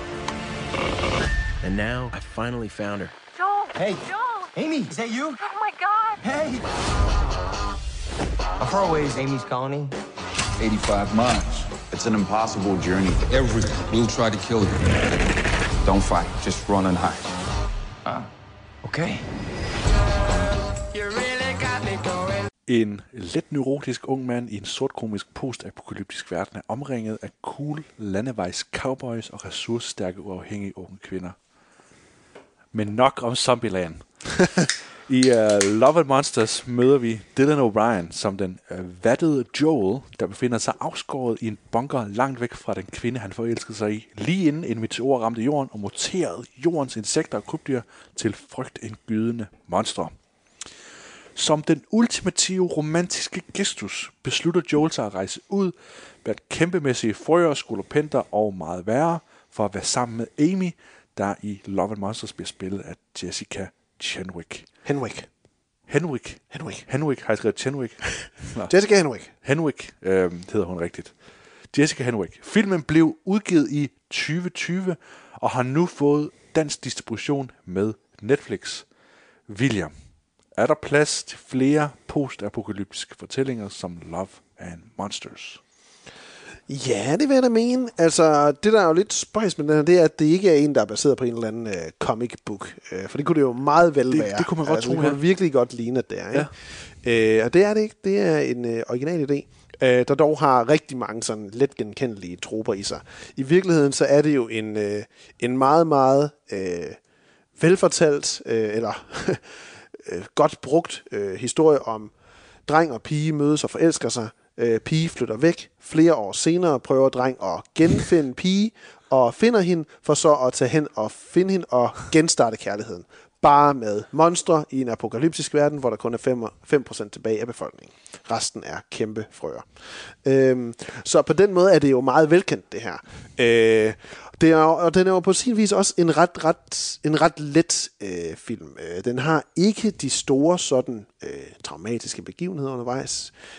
Og så alligevel, så formår den jo faktisk at, at bringe lidt dybde til sig gennem nogle ret fine små samtaler. Blandt andet så har øh, Dylan O'Brien, øh, øh, Joel Dawson her, en rigtig fin samtale med sådan en futuristisk øh, service hjælperobot øh, omkring øh, livets tilstand og, og, og tilværelse.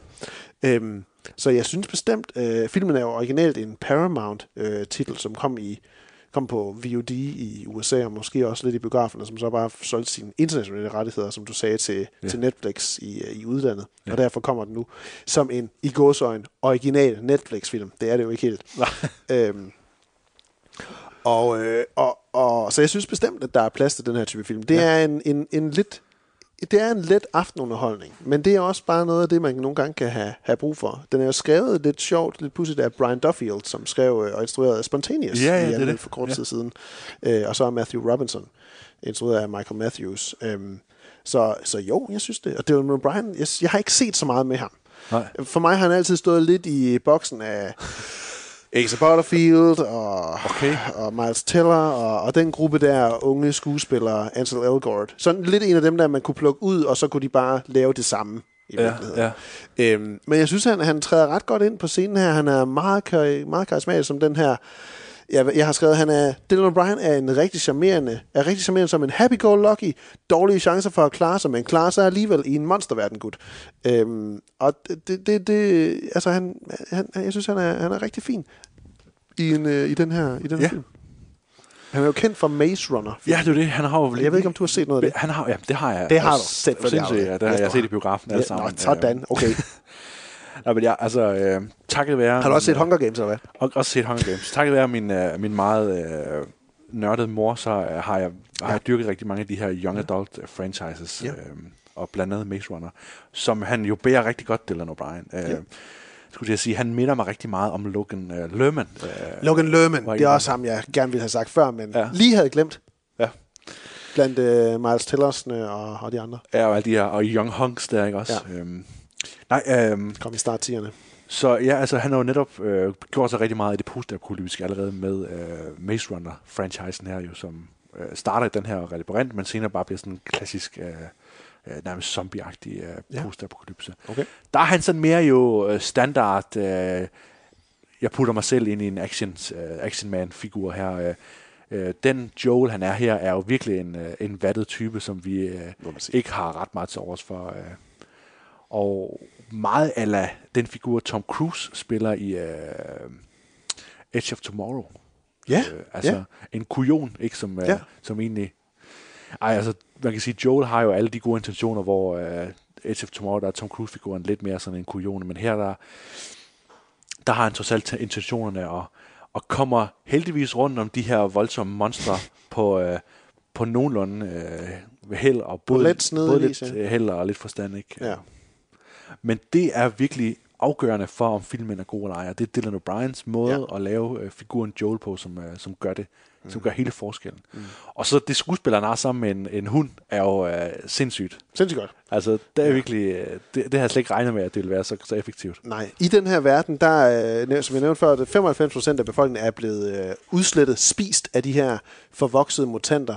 Øh, og måske er det også lige værd at nævne, at måden de her, øh, ikke mutanter, hvor forvoksede øh, skadedyr og insekter, de kom til, fordi der var en asteroide på vej til jorden, ja. som menneskeheden skød et hav af missiler op imod.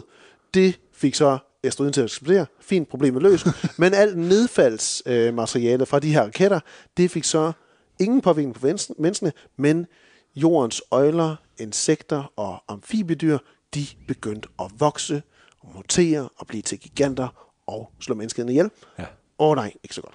Så øh, de resterende øh, tilbageværende mennesker, de lever nu i bunkers under jorden og går sjældent ud. Kun øh, dem, der er jæger og gatherers, de kommer ud. Og, og Joel er så en af dem, der ikke rigtig kan bruge til noget. Han er en, der fejrer op og gør rent og laver en god...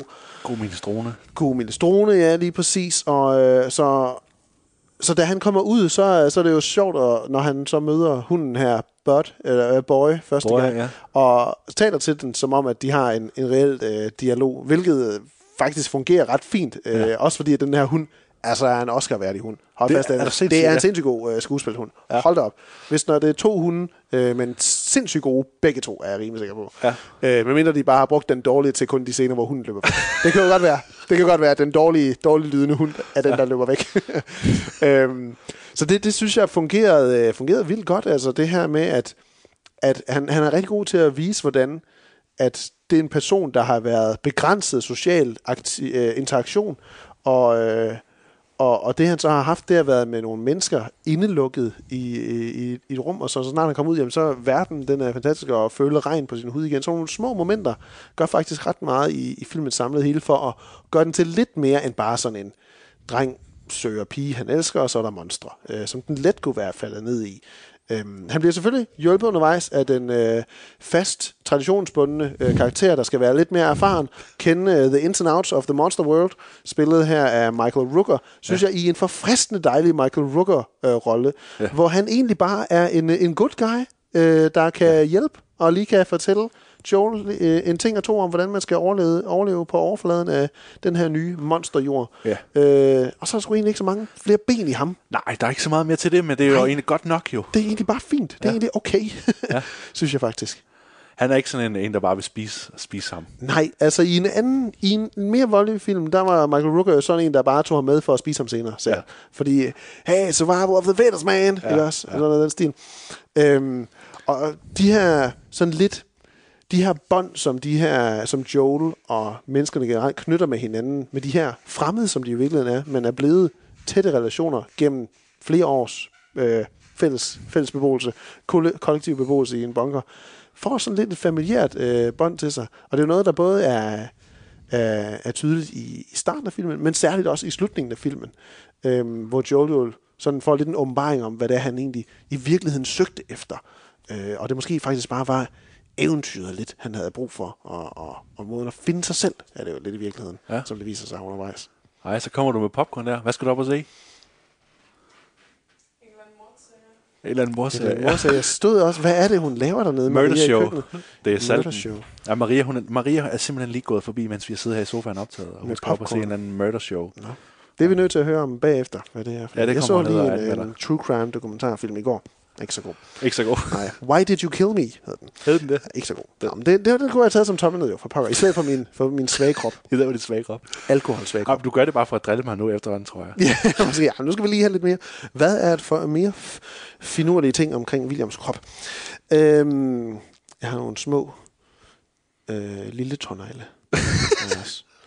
Nå. Ja. Øhm, hvad synes du om øh, monstrene her i, øh, Jens? Hvad, hvad, hvad, den er jo faktisk nomineret til bedste visuelle effekter til, øh, til Oscar-uddelingen i år. Er den det? Det er den. Nå. Lidt overraskende, vil jeg lige hurtigt sige, inden du Ja. ja. kommer med din øh, bedømmelse. Nej, men øh, det er rigtig, rigtig gode effekter. Det ligner jo til forveksling noget, man kunne have set i Pirates of the Caribbean. Altså, øh, der er jo sådan en, en helt voldsom, sådan overdrevet tekstur på de monstre her, som minder rigtig meget om det, man så på øh, Davy Jones og, øh, og The Kraken og sådan noget. Ikke? Det, det er lidt samme stil, ikke? Øh, hvor man kan sige, at, at nu er vi jo nået så langt. Øhm, Love and Monsters, det er jo lidt, det er jo lidt en besynderlig film, ikke? fordi den er udkommet under øh, lockdown, under corona-lockdown, så den er lidt svær sådan at finde ud af, jamen, hvor meget budget har den her film haft. Øh, mm. Og man, jeg undrer mig meget over at sige, men er det her sådan en, en uh, mid-budget film, eller er det i virkeligheden ret stor? Og, det, og effekterne er lavet til, ligesom, at den er, har haft ret mange penge egentlig at gøre godt med.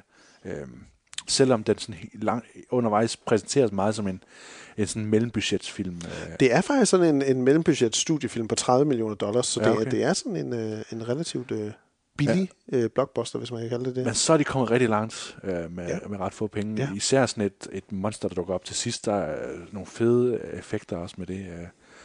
Øh. Øhm, lige i starten, så tænkte jeg, okay, fedt, de har ligesom løst det med praktiske effekter. Der er lige i starten et, et Det er monster, rigtigt, ja. der dukker op, hvor det er tydeligt Det er øh, rigtigt. en, en dukke, der ligesom er der. Det er sjovt, ja, det tænkte jeg, tænkte jeg ikke over før, nu du siger det, at, at hvor der er stor skæld, der lige er i den, den type monster, der er. Ja. En kæmpe myre.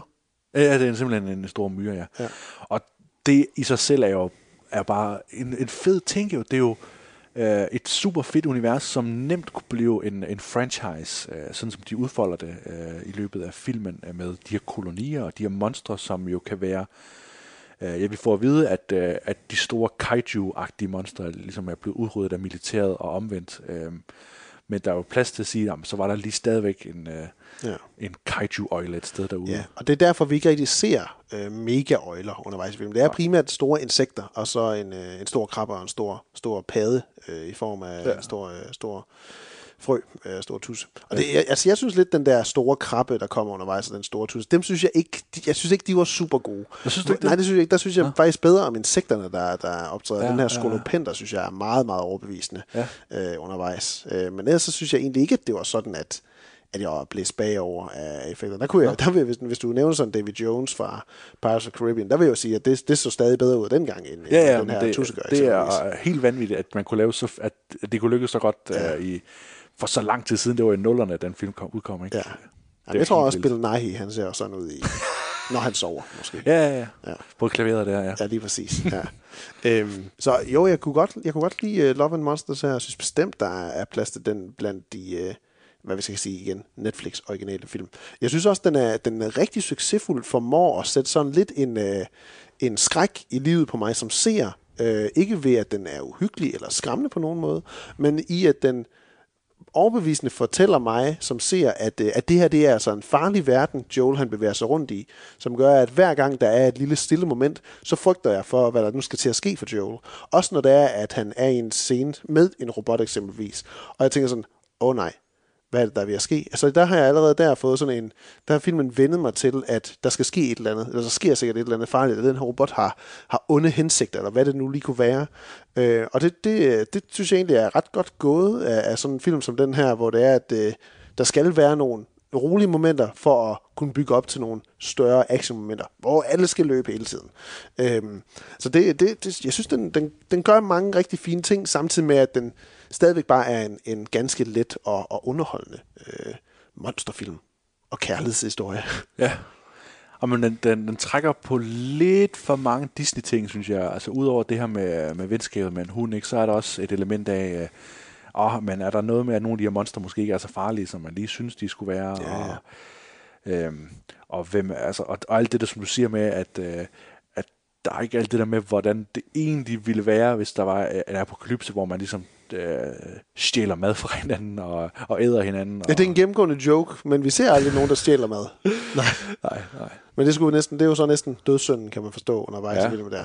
Men ja, den, den, er, den er på den dårlige side forudsigelig i, hvor den vil hen. Øh, ja. også, også i forhold til det her kærlighedsforhold, spirende kærlighedsforhold med, med Amy. Øhm, Ja, det bliver ret ærgerligt forløst. Ja, det, det synes jeg. Det synes jeg. Det, det, det, det, det klarer den sig ikke så godt igennem. Øhm, ikke så overraskende var det at se, at sådan en som Sean Levy, han er producer på filmen her. Han er jo ham, der er producer bag Stranger Things, øh, blandt andet. Aha. Og jeg synes, den ligger så meget op af sådan en type film, også, som også er instru- instrueret Real Steel, og øh, jeg tror, det er øh, den anden tekstforfatter, eller manuskriptforfatter, Matthew øh, Robinson på, på filmen her, der var med til at skrive øh, Monster Trucks-filmen også. Aha. Så der er, der er sådan nogle pillesteder fra, der passer rigtig meget ind i, hvad den her film så er endt ud Ja, med ja. at være, synes Ja, jeg. ja, ja. Jeg så ikke Monster Trucks, men monsteret i Monster Trucks mindede mig meget om nogle af de monstre, vi ser Ja, øh, skitseret og, og skabt Ja, ja, i noget Love slippery tentakel noget, ja. Lige præcis, lige præcis. Øhm, ja.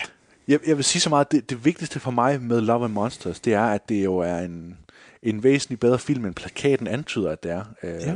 Plakaten er jo en, en, en, lidt en undskyldning for sig selv. Øh, nu, det tænker jeg på, fordi du siger med Sean Levy og Stranger Things, ikke, at, øh, at plakaten antyder, at det her det er en film, både med titlen og plakaten i virkeligheden, at det her det er en film, vi skal se, fordi den er sådan en B-film øh, ting. Ja. Ikke? Altså det er Love and Monsters og, og plakaten der med, med sådan karikeret, øh, lidt ligesom Stranger Things plakaten også, karikeret øh, gammeldags noget, at vi skal ligesom acceptere det, fordi de prøver at ramme en stil fra, fra gammel tid, og undskylder sig med det ikke. Øh, det er ligesom Wonder Woman, øh, den anden Ja. film gjorde, ja. ikke? At man undskylder sig med, at man reproducerer en stil fra noget gammelt. Øh, det synes jeg ikke filmen gør. Jeg synes ikke filmen undskylder sig selv ved at genskabe øh, en eller anden 80'er fornemmelse af, hvordan man fortæller historier og sådan noget. Jeg synes, Nej. at, øh, at Duffield har lavet en film, som, som er fortalt på en frisk måde, øh, stadig forudsigelig, men ikke øh, som en undskyldning for sig selv på noget tidspunkt. Øh, jeg har ikke fornemmelsen af, at, at det er noget, jeg har set før, eller Nej. at den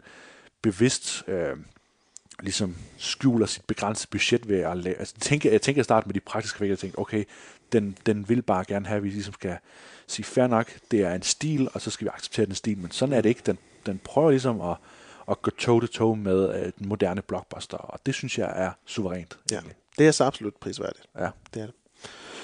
Men uh, Love and Monsters, den uh, kan man med god vilje give et skud uh, på Netflix. Den kom her i onsdags, så Ja, jeg lige husker. gør endelig det. Ja. Nu hopper vi over i uh, superheltegenren igen, igen, igen. uh, med den uh, Amazon Prime Video uh, streamende animations strømmede animationsserie Invincible.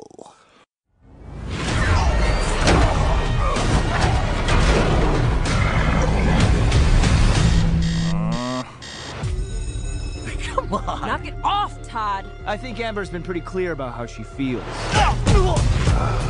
I'm nothing like my dad. I want to be just like you.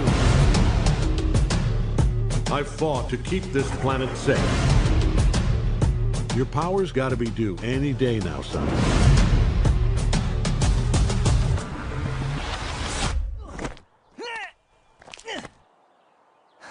Morning. I'm scared, Dad. What if I can't do this? Follow me. Amazon Prime har et problem med Superman. Sidste år udkom anden sæson af The Boys, der fortsat voldeligt illustrerer, hvordan det ville være, hvis Superman var ond. Og nu udkommer Invincible, en animeret udgave af Robert Kirkmans tegneserie, der voldeligt illustrerer, hvordan det ville være, hvis Superman var ond. Animationsserien på Prime har heldigvis rigeligt andet at byde på med Mark Grayson, der på bedste Spider-Man-fasong skal lære at balancere livet som ung amerikaner på vej på college, mens han bekæmper invasioner fra rummet og nådesløse superskurke som Invincible.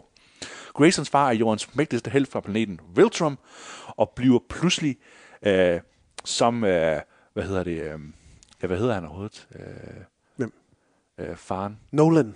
Ja, den, øh, jamen, Omni-Man. Omni-Man. Omni-Man bliver pludselig en del af en grafisk henrettelse af Robert Kirkmans egen version af en slags Justice League pastiche kaldet Guardians of the Globe. Ja. Kirkman, Robert Kirkman, oh, der gik lige en kæmpe tusse i halsen på mig der. Ja.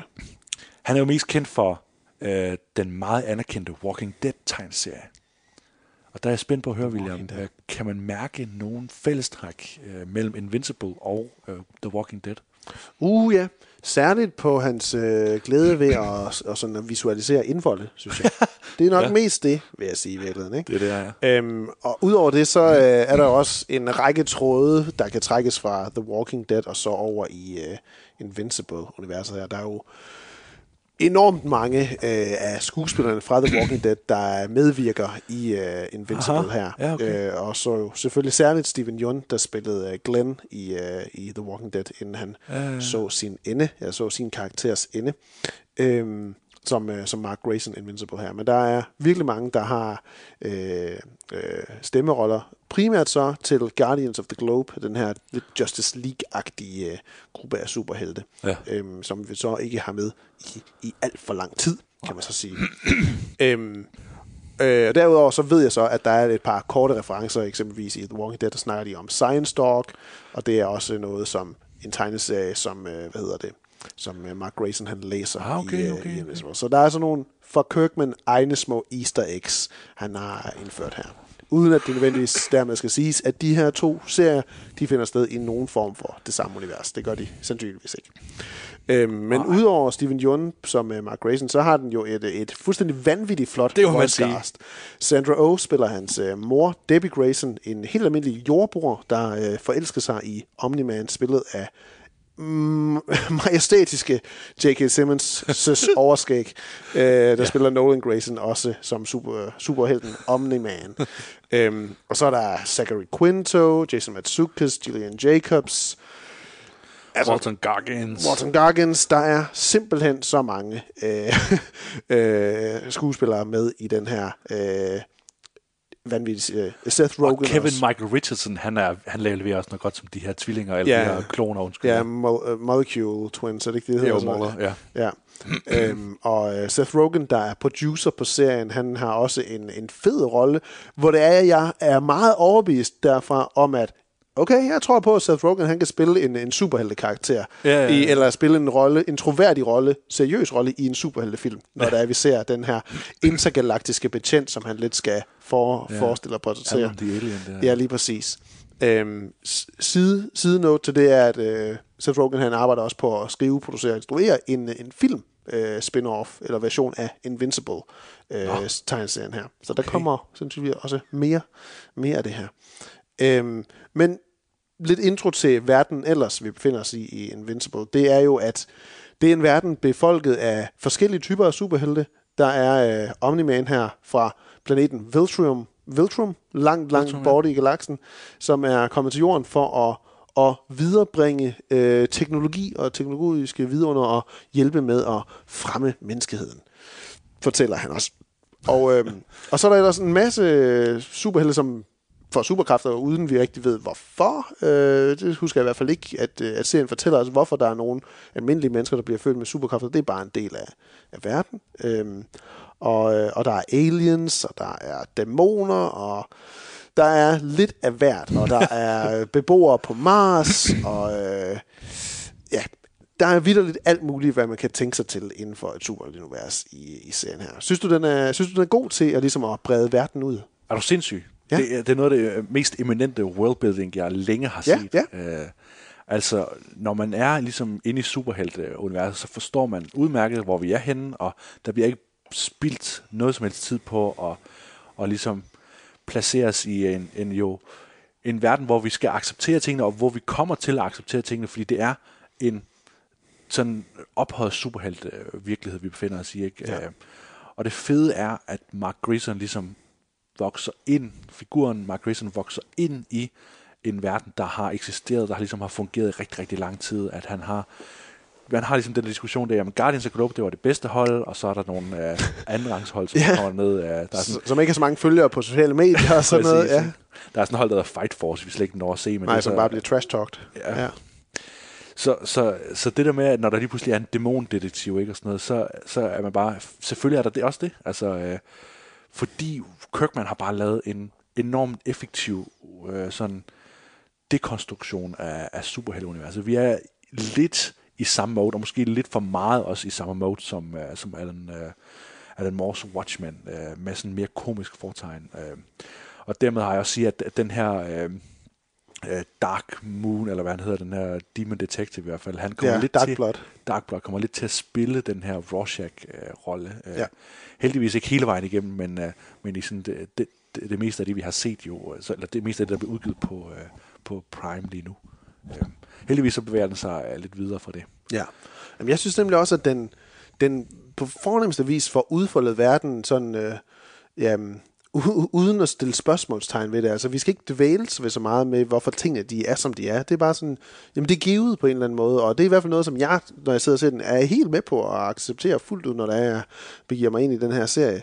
Øhm, og den har jo et, et sprudlende karaktergalleri, også i kraft af, at der er så mange virkelig navnkundige skuespillere, der, der bidrager ind, øh, men et sprudlende karaktergalleri, som jeg synes, den får udfoldet på rigtig mange måder, øh, og som jo igennem, der er en gennemgående historie øh, gennem de her otte episoder, men den har også sådan meget den mere sådan traditionelle altså Case of the Week, eller øh, Ja, ja. Øh, Hero Journey of the Week, hvor det er en Mark øh, Grayson Invincible her, han udvikler sig lidt mere og lærer noget, og det er jo helt rigtigt set, at han er jo meget en Spider-Man-agtig type, øh, Mark Grayson her, der skal håndtere high school og piger, samtidig med, at han har en hemmelig identitet som superhelten Invincible. Øhm, Øh, og det, det, det gør den bare rigtig, rigtig godt, og, og, og giver god scenetid til, til mange andre karakterer også, der får, får, får liv i løbet af den serie her. Øh, og den har jo sådan en virkelig sjov øh, t- altså sådan sekvens, som man altid næsten hopper over i, øh, i, i superheltefilm. Det er sådan, hvem designer de her superheltedragter? Ja, ja. Hvem er det, der lige laver designet? Tit så er det sådan, at Batman han synes, det var det, der skulle være, og Tobey Maguire han fandt på at sy det selv, og det var sgu Ja, meget godt gået. Ja, ja, lige ja. præcis. Og, og, så, og så har vi, og så i, jamen, i X-Men, der er det sådan en corporate ting, vi skal alle sammen gå i læder. Øh, og så, så har vi her i Invincible, der har vi faktisk en, en, en designer ja. til de forskellige superhelte, som alle superheltene tager hen til, og får lavet deres eget skræddersyede superheltesæt. Øh, af, Det er ligesom af de outfit. utrolige, ikke? Ja. Jo, det er rigtigt. Det er rigtigt. Jo, der gør de det. Ja. Ja, på os. men, øh, men det er rigtig sjovt her i også. Ja, Ja, det er øh, det er rigtig fedt. Øh, med Mark Hamill, der lige pludselig er er ja, er stemmeskuespilleren ham, der også. art, ja. Ja. Øhm, og, og jeg synes, det startede ud med at sige, at øh, jamen, hvad er kendetegnet mellem den her The Walking Dead? Det er de her mange indvold. Det er jo en grotesk voldelig serie. Det er det. Til tider. Fantastisk voldelig. Øhm, fantastisk voldelig, fordi langt størstedelen af episode 1, det er jo nogle lange episoder, de er. De er cirka 40 minutter plus Ja. hver en episode her, så det er ikke sådan en, øh, en kort 20 minutters episode, man lige kunne finde efter sådan noget snupsøndagsklub. Og det ville man heller ikke på grund af den vold, der kommer undervejs. Og det, er, og det er besynderligt, fordi man bliver ved med, at man kommer hele tiden jo i den her tilstand, som du siger med, at det ligner jo uh, Justice League, eller Det ligner det klassiske, vi de kender. helt klassiske Ja, animation. superhelte animationsserier, Ja, ikke? ja. Men som netop siger jo i et længere format, og så meget voldeligere også. Ja, lige præcis, for den minder rigtig meget, så det giver den der barnlige fornemmelse, eller barndomsagtige fornemmelse af, at vi sidder og ser en superhelteserie, som vi ville se, når vi var børn. Ja. Men så pludselig, så er der en person, der får øh, mast sit hoved, og det får vi altså lov til at se på, ja. at det her hoved, det bliver mast. Ja. Og vi får altså lov til at se på, at en overdel af kroppen bliver adskilt fra underdelen af kroppen. Ja. Og at det ikke bare er et clean cut, men hvad der ligesom følger med fra top og bund. At der er ligesom så tarme, der hænger og dingler der. Lige præcis. Ja. Øhm, og det er, det, det er rigtig godt lavet, altså det er rigtig godt lavet, og det viser noget af den der brutalitet, jo, som er, som er indbygget i selve det, at der findes øh, mennesker, pe- personer med overnaturlige kræfter, er, at sådan noget her, det ville ske, Ja. men det kommer vi jo aldrig selvfølgelig til at se i en biograffilm eller en film, hvor rå Zack Snyder enten nogensinde vil lave sin film, så kommer han aldrig til at lave det, som vi ser her Ej. i en superheltefilm. Det tror jeg simpelthen ikke, at han får lov til, for det er der ikke, det er der ikke nogen af de her studier, der vil Nej. udlåde deres IP til at skulle, skulle gøre med, med Spider-Man eller Batman eller Superman. Men det er Seth Rogen jo næsten nødt til at gøre nu, hvis han skal lave den her Invincible Men det er jo så. Invincible. Det er han jo så nødt til at have, have et mandat til at sige, at, ja. øh, men det vil så også være en Amazon-film, så det kan jo godt være, når de først har sagt af, så skal de også sige Seth Rogen. Ja, det er det. Seth Rogen, ja. Øhm, så det, det synes jeg jo, det gør, altså jeg var helt taken aback, da jeg så det ske i, øh, i første episode, fordi jeg var sådan, man var ligesom blevet, blevet vendt ind i, at det her, det var stilen, og så pludselig, så kommer det her virkelig voldsomme, brutale scener, øh, hvor, der, hvor der slås og så kæmpes. Ja. Og- Og det er jo, hvad kan jeg sige, tegneseriens præmis et eller andet sted. Øh, det er jo ikke en spoiler. Jeg, jeg, jeg, jeg, vil, jeg vil altså virkelig forlade mig til at sige, at det ikke er en spoiler. Hvis man gerne vil se Invincible, gerne have det her chok, øh, hvis man slet ikke ved noget om det, og serien, så kan man godt se den, og så få det her chok, ikke? Men det er jo tegneseriens præmis, at Omni-Man ligesom henretter, øh, hvad hedder det, uh, Guardians of the Globe, ikke? Uh, Ja. Der er nogle skjulte motiver. Ja. Ja. Og, og vi ved ikke endnu i, uh, i Invincible, hvorfor Omni-Man har gjort, som han har gjort. Uh, det er ligesom en del af, af, af, seriens fremgang at finde ud af. Jamen, uh, og det finder, finder man heldigvis ud af i den her ret fine første sæson, som er en afsluttet uh, his fortælling, gudskelov, ja. uh, taget fra tegneserien også. Ikke? Ja, ja. Og, og den har, altså den, den, den gør også noget ved den her sådan grafiske vold. Den bruger den ikke kun til bare at sige, mm. prøv lige at se, hvad vi kan tillade os at, at putte på, på Amazon Prime her. Der er særligt en scene i, øh, i den sidste episode, hvor der er en karakter, der, altså hvor der er to, der kæmper til døden, virker det som om. Og der er en karakter, der bliver holdt ind, der nærmest bliver brugt som våben, et passivt våben til at Ja. slå andre mennesker Ja, ihjel med. Og da jeg så det, så tænkte jeg, hold da op. Hold da op, hvor er det øh, vanvittigt fundet på, ja. og hvor er det et stærkt greb at bruge til at nedradere den her modstander, som den anden karakter gør, ja. øh, fysisk og mentalt. Ja, øh, ja. Øhm, og det, det, var, det, det var virkelig stærkt, synes jeg.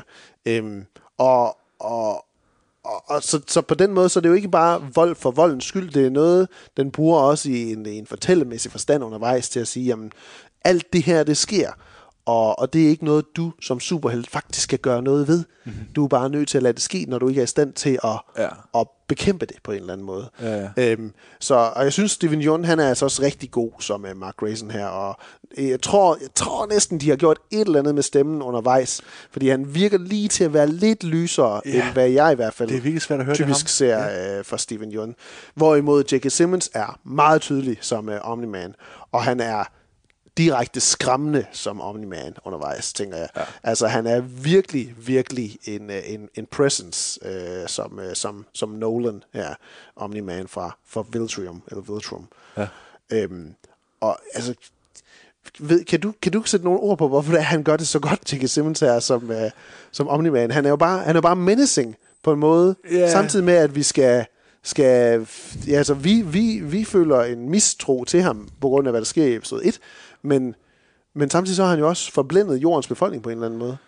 Og Jo. så J.K. Simmons er bare super god. Jamen, det, du har helt ret. Altså, øh, J.K. Simmons, han har jo den her ultimative farstemme, ikke? Det er jo det, der er øh, altså skræmmende, tror jeg. Det er, hvad sker der? Det er jo også, virkelig også det, der er ved, ved, ved sådan ideen om at gøre Superman ond, ikke? Jamen, hvad sker der, når, når far ikke længere passer på os, ikke? Altså, Ja, det er ja, ja. sådan, den, den helt dybe, øh, nærmest freudianske øh, man kan frygt, vi har i os, ikke? Hvad, hvad sker der, når de mennesker, der ligesom skal være autoriteter og være ansvarlige og være vores øh, beskyttere og sådan noget, hvad sker der, når de ikke længere? Og der passer J.K. Simmons øh, stemme bare eminent, fordi han øh, kan både ligesom være den der omsorgsfulde figur, øh, og der er nogle rigtig gode scener, hvor han sådan prøver at, at hjælpe, og helt sådan sympatisk ligesom øh, være der for hans egen søn. Øh.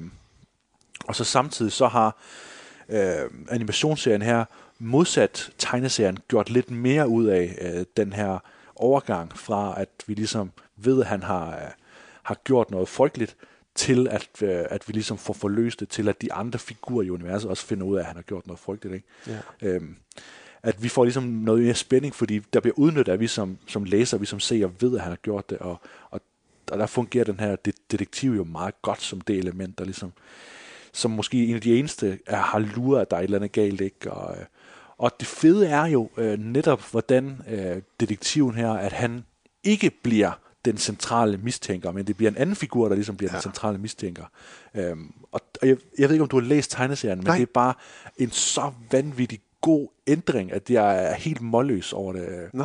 Altså, jeg synes virkelig, at... I tegneserien, der fortsætter Darkblood med at være hoved. Nej, i tegneserien, der er Darkblood ikke så... Der figurerer han ikke ret Nej, meget. okay. Der er han bare sådan øh, inden over som sådan noget worldbuilding. Øh, øh, men, men det er mere bare med med den person, der ligesom er tæt på Omni-Man, der, er- der ligesom begynder at mistænke, og, og det der mistillid, der opstår, at, at den rejse er, er langt bedre i, øh, i, i serien her, end den er i, øh, i, i den egentlige tegneserie, Ja, i den ja. egentlige tegneserieforløb. Ja.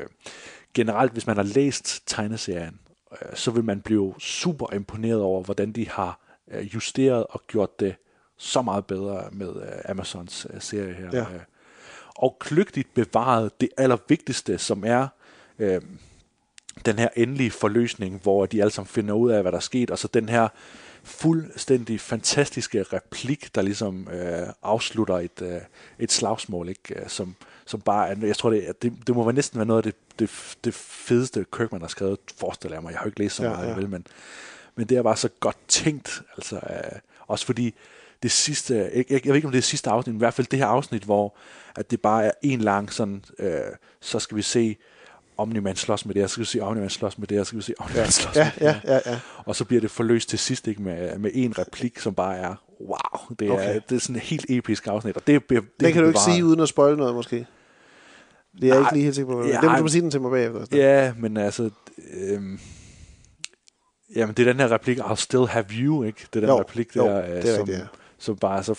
Fordi, er også fordi ja. det har været sådan et, et vanvittigt episk afsnit Ja. ja. øh, hele vejen. Øh, Ja. Det kan ikke siges nok gange, hvor, hvor godt stemmeskuespil er, og, og musikken også undervejs i serien, øh, som Helt jo både er orkestral øh, overture, men samtidig også lige pludselig Godt lige Run the Jewels. Go to Run the Jewels, ja, det, er- det er jo altid, alle actionscener fra nu af er jo Run the Jewels efterhånden, ikke? Mhm. Mm-hmm. Desværre, men det fungerer også, når det fungerer. Det gør det. Det gør det. Ja. Øhm, jeg vil også lige slå et slag for nogle af de bihistorier, der er undervejs med, øh, med øh, Adam øh, Adam, Adam Eve, Eve, ja. øh, spillet af Gillian Jacobs, øh, der laver, giver sådan en, øh, en modsatrettet heltehistorie om, hvad man kan bruge sine superheltekræfter til, til sådan et, et, et hvad skal man sige, et, øh, øh, hvad kalder man det, når det er en, ja, et humanitært øh, formål. Øh, oh, ja. hvad, hvad, hvad siger man George Clooney og Leonardo DiCaprio, de er, når det er, de slår et slag for miljøet? De er... Ja, hvad hedder sådan noget? Øh... Åh, oh, hvad er ordet? uh, nå. Lad os ikke dvæle ved det for meget. Det er ikke noget, Ja, man skal gøre. velgørenhedsmennesker. Ja. Ja, lige præcis. Jeg kan ikke huske det. Damn it! I'm loose. I'm loose.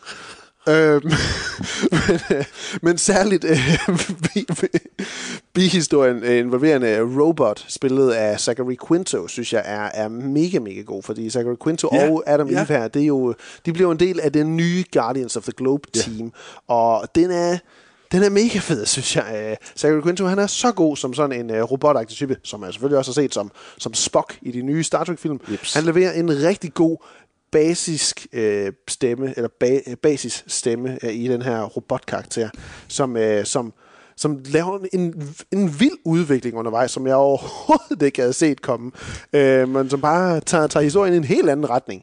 Øh, og, og det er jo det, Invincible er, som jeg lige kunne læse mig frem til, en, en meget, meget lang tegneserie med 144 udgivelser. Ja. Øh, så der er jo masser af historier at koge videre på. Okay. Øh, så der er jo forhåbentlig flere sæsoner af den her øh, ja. mageløse, øh, voldelige og grafiske øh, øh, superhelteserie øh, fremadrettet og, og se frem til. Det, ja, det håber de jeg i hvert fald. Viltromitter, de kommer til at, at spille en, en større rolle. Øh, Det, giver, det, det er i hvert fald noget af det, som, som serien lægger op til fremover, det er, at, at der skal komme en, en konfrontation med, med Viltromitterne, Ja, som ja, alle sammen har overskæg i, i tegneserien. Øh, Ej, hvor skønt. Hvem kunne man så ellers få? ja, det skal også lige sige, Mah- Mahershala Ali, two-time Academy Award winner. Mahershala Ja. Ali er altså også med i, en, i, en, i et par episoder i Invincible her, så det er øh, bestemt nok kun de. Om Jason Mantzoukas laver vidunderlige uh, komedier, Ja. yeah. som uh, Rexplode også i den Ja, her. Rexplode ja, er et skønt, øh, skønt heldenavn, eller hvad man skal kalde ham. Øhm, Jeg, tror, jeg tror aldrig, jeg har altså, oplevet så godt stemmeskuespil som i, Nej. uh, i Invincible her. Altså, det, er, øh, det er fremragende hele vejen igennem. det er virkelig, virkelig godt. Det vil jeg også sige. Klar anbefaling.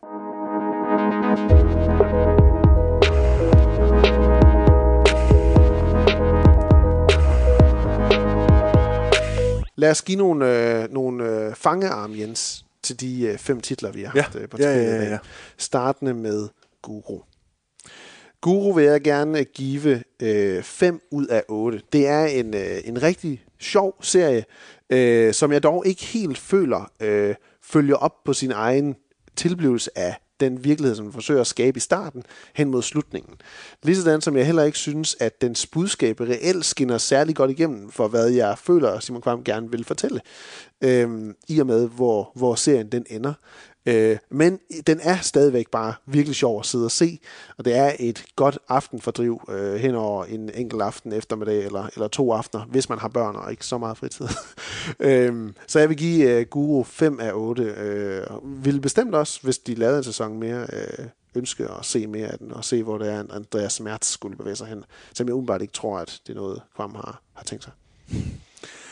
Hvis man ikke allerede har hørt Svend Brinkmans pointer om ståsteder og stå fast rigtig mange gange, og hvis man ikke er træt af at høre om, at, øh, at det der med at frem, komme frem i livet og lade sig påvirke og alt sådan noget, og øh, igen få serveret den samme pointe igen og igen, så synes jeg, Guru er rigtig godt sted at komme ind.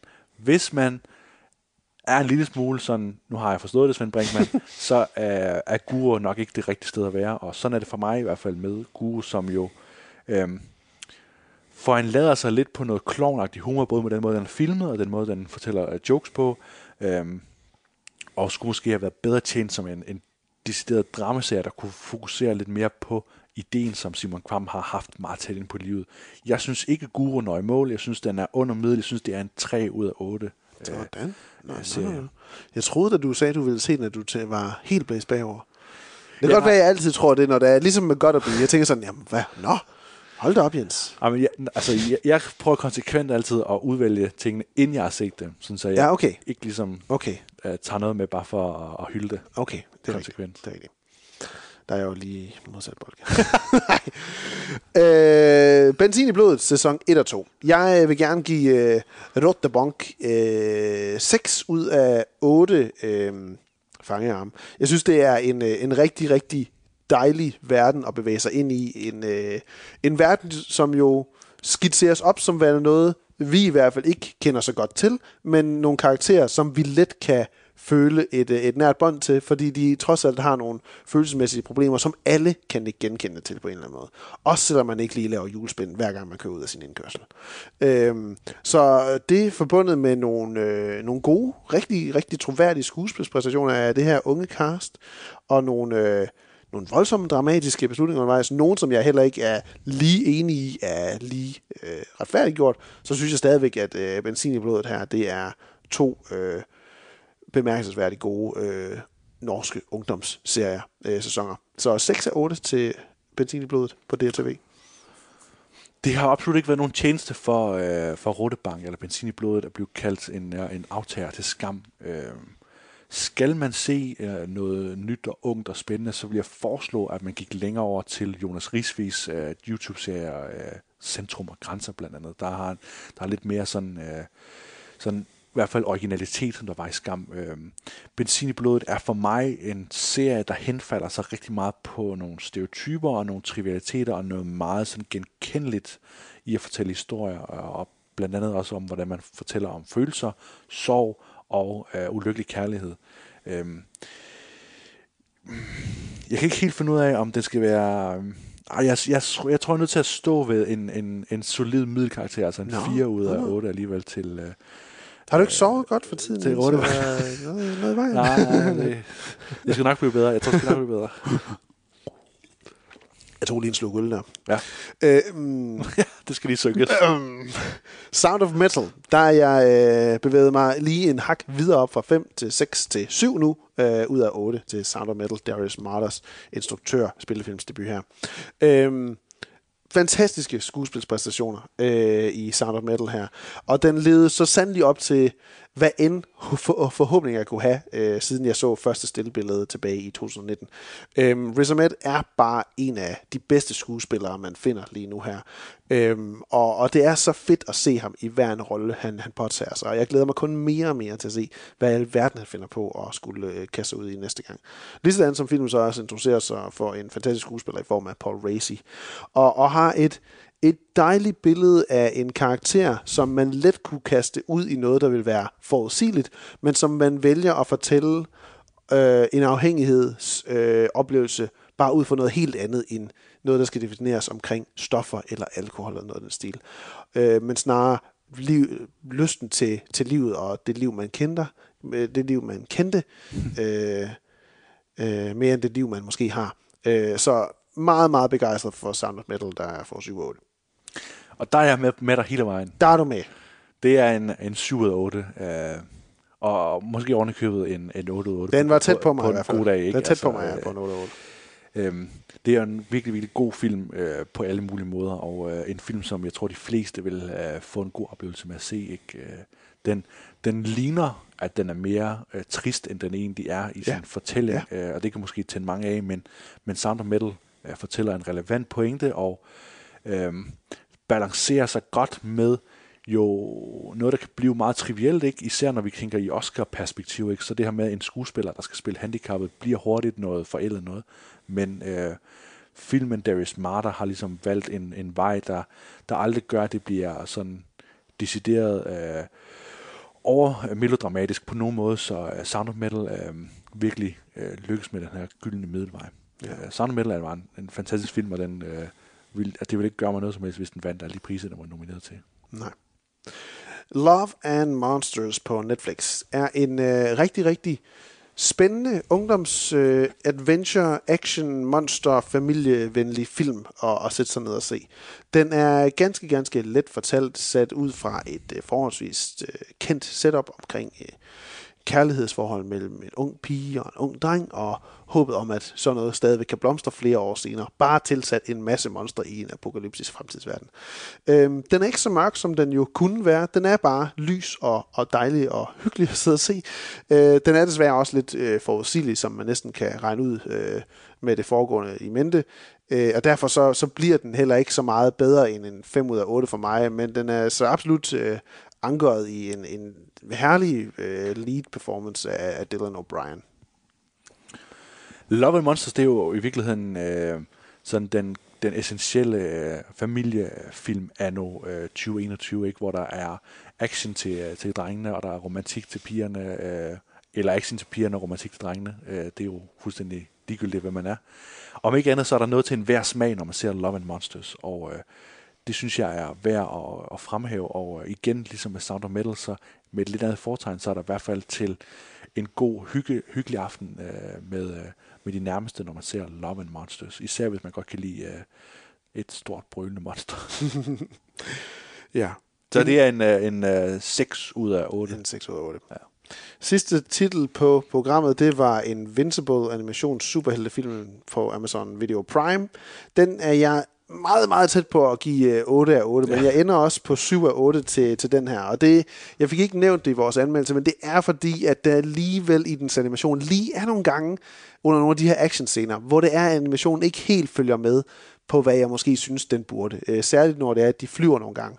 Der er det som om, at det er sat, at man kan se, la- det er som om, man kan se lagene øh, mellem karakteren, der skal bevæge sig, og så baggrunden, den flyver henover, hvilket ser ser lidt tåbeligt ud. Det ligner sådan ja. noget, øh, øh, hvad hedder 2D-spil lige pludselig, okay. øh, synes jeg.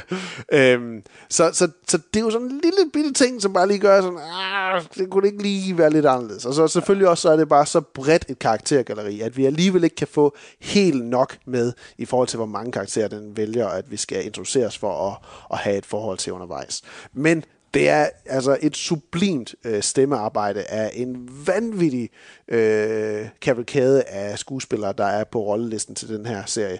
Med en helt suverænt spændende verden, som vi introduceres for, med så mange forskellige typer af helte og skurke og superkræfter, aliens og dæmoner, øh, og faderskabsroller og familieværdier, der sættes på spidsen, når det er, at man pludselig har en mor, der er helt almindelig, øh, men som stadigvæk kan sende nogle skrappe blikke og være støn og gøre en kæmpe forskel over for sin superhelte søn og superhelte mand, der måske ikke har helt ren mel i posen. Så 7 af 8 til, øh, til den fremragende øh, Invincible-serie. Ja.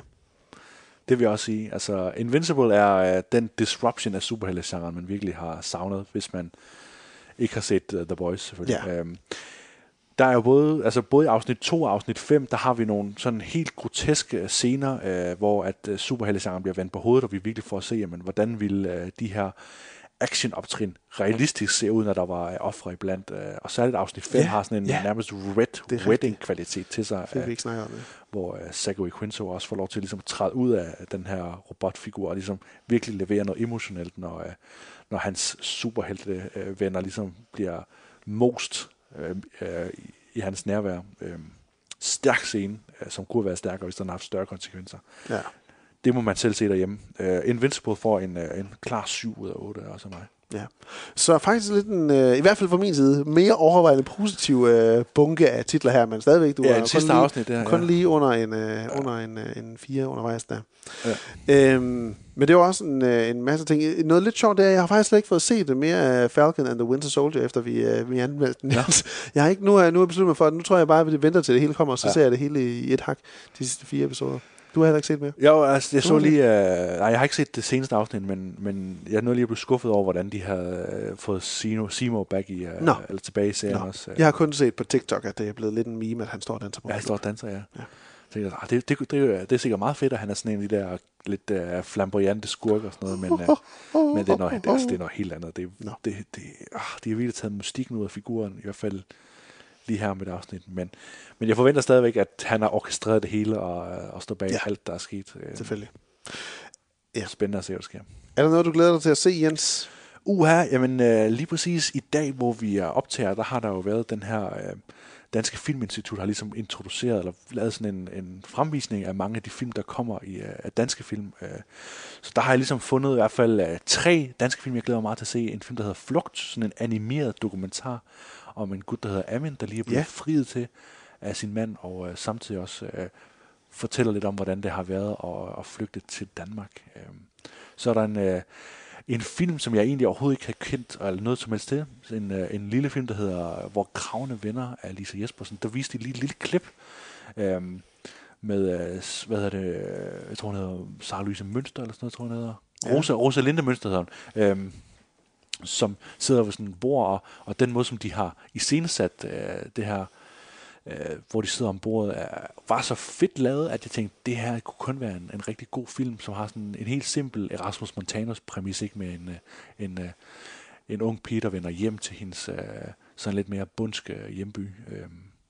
Og så særligt Bille August næste film, Pakten, med Birte Neumann som Karen Bliksen, der Ja er mentor for uh, Torkild Bjørnvig, den her digter, uh, baseret på uh, Torkild Bjørnvigs uh, eget beretning om, uh, om hans uh, forhold til en, uh, en sådan meget særlig kvinde, jo, som uh, Karen Bliksen er på det tidspunkt, de møder hinanden, hvor hun har været, været ramt af sygdom og, uh, og har ligesom alle mulige øh, pseudo-fiktionelle beretninger om hendes liv i Afrika og alt sådan noget. øh. Og det klip, de viste os af Dansk Filminstitut, det var, øh, det var meget indbydende. Altså Nå. øh, igen, den måde, som Karen, øh, Karen Bliksen bliver vist som sådan en nærmest øh, djævelsfigur, var super spændende. Okay.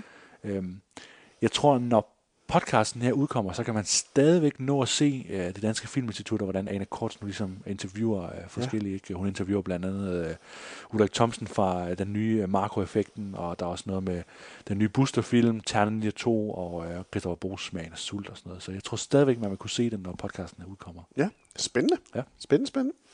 Øhm, jeg glæder mig meget til at se, øh, på Netflix snart kommer der en øh, animationsfilm, der hedder Mitchells versus The Mitchells versus The Machines. Ja. Noget af den stil. Mitchells øh, og det var faktisk, øh, jeg troede, at det var en øh, helt ny, øh, at, jeg troede ikke, det var det, den var. Jeg troede ikke, det var den, som det viser at være. Fordi jeg har hørt om en film, der hed Connected, som var fra Lord and Miller, de her to Nå ja. animationsguruer, der lavede Lego-filmen, og det regner med frikadeller og Spider-Verse, altså var med til at 21 producere de her film. Street, 21 Jump Street, ja lige præcis. Ja. Men det er også dem, der står bag øh, den her, og producerer den i hvert fald, Ja.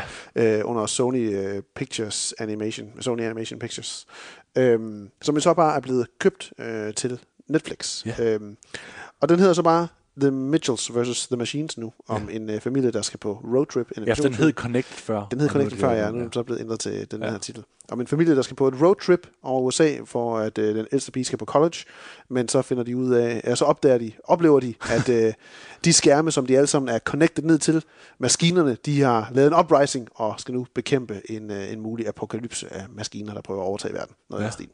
Så er en øh, hyggelig, familievenlig film, animationsfilm, skulle det vist være, selvom det måske ikke lige lyder sådan. Ja, og det er nogle af dem, der har været med til at lave Gravity Falls. Som, ja, øh, som, som også er produceret den. Ja, lige Ja. præcis. Lige præcis.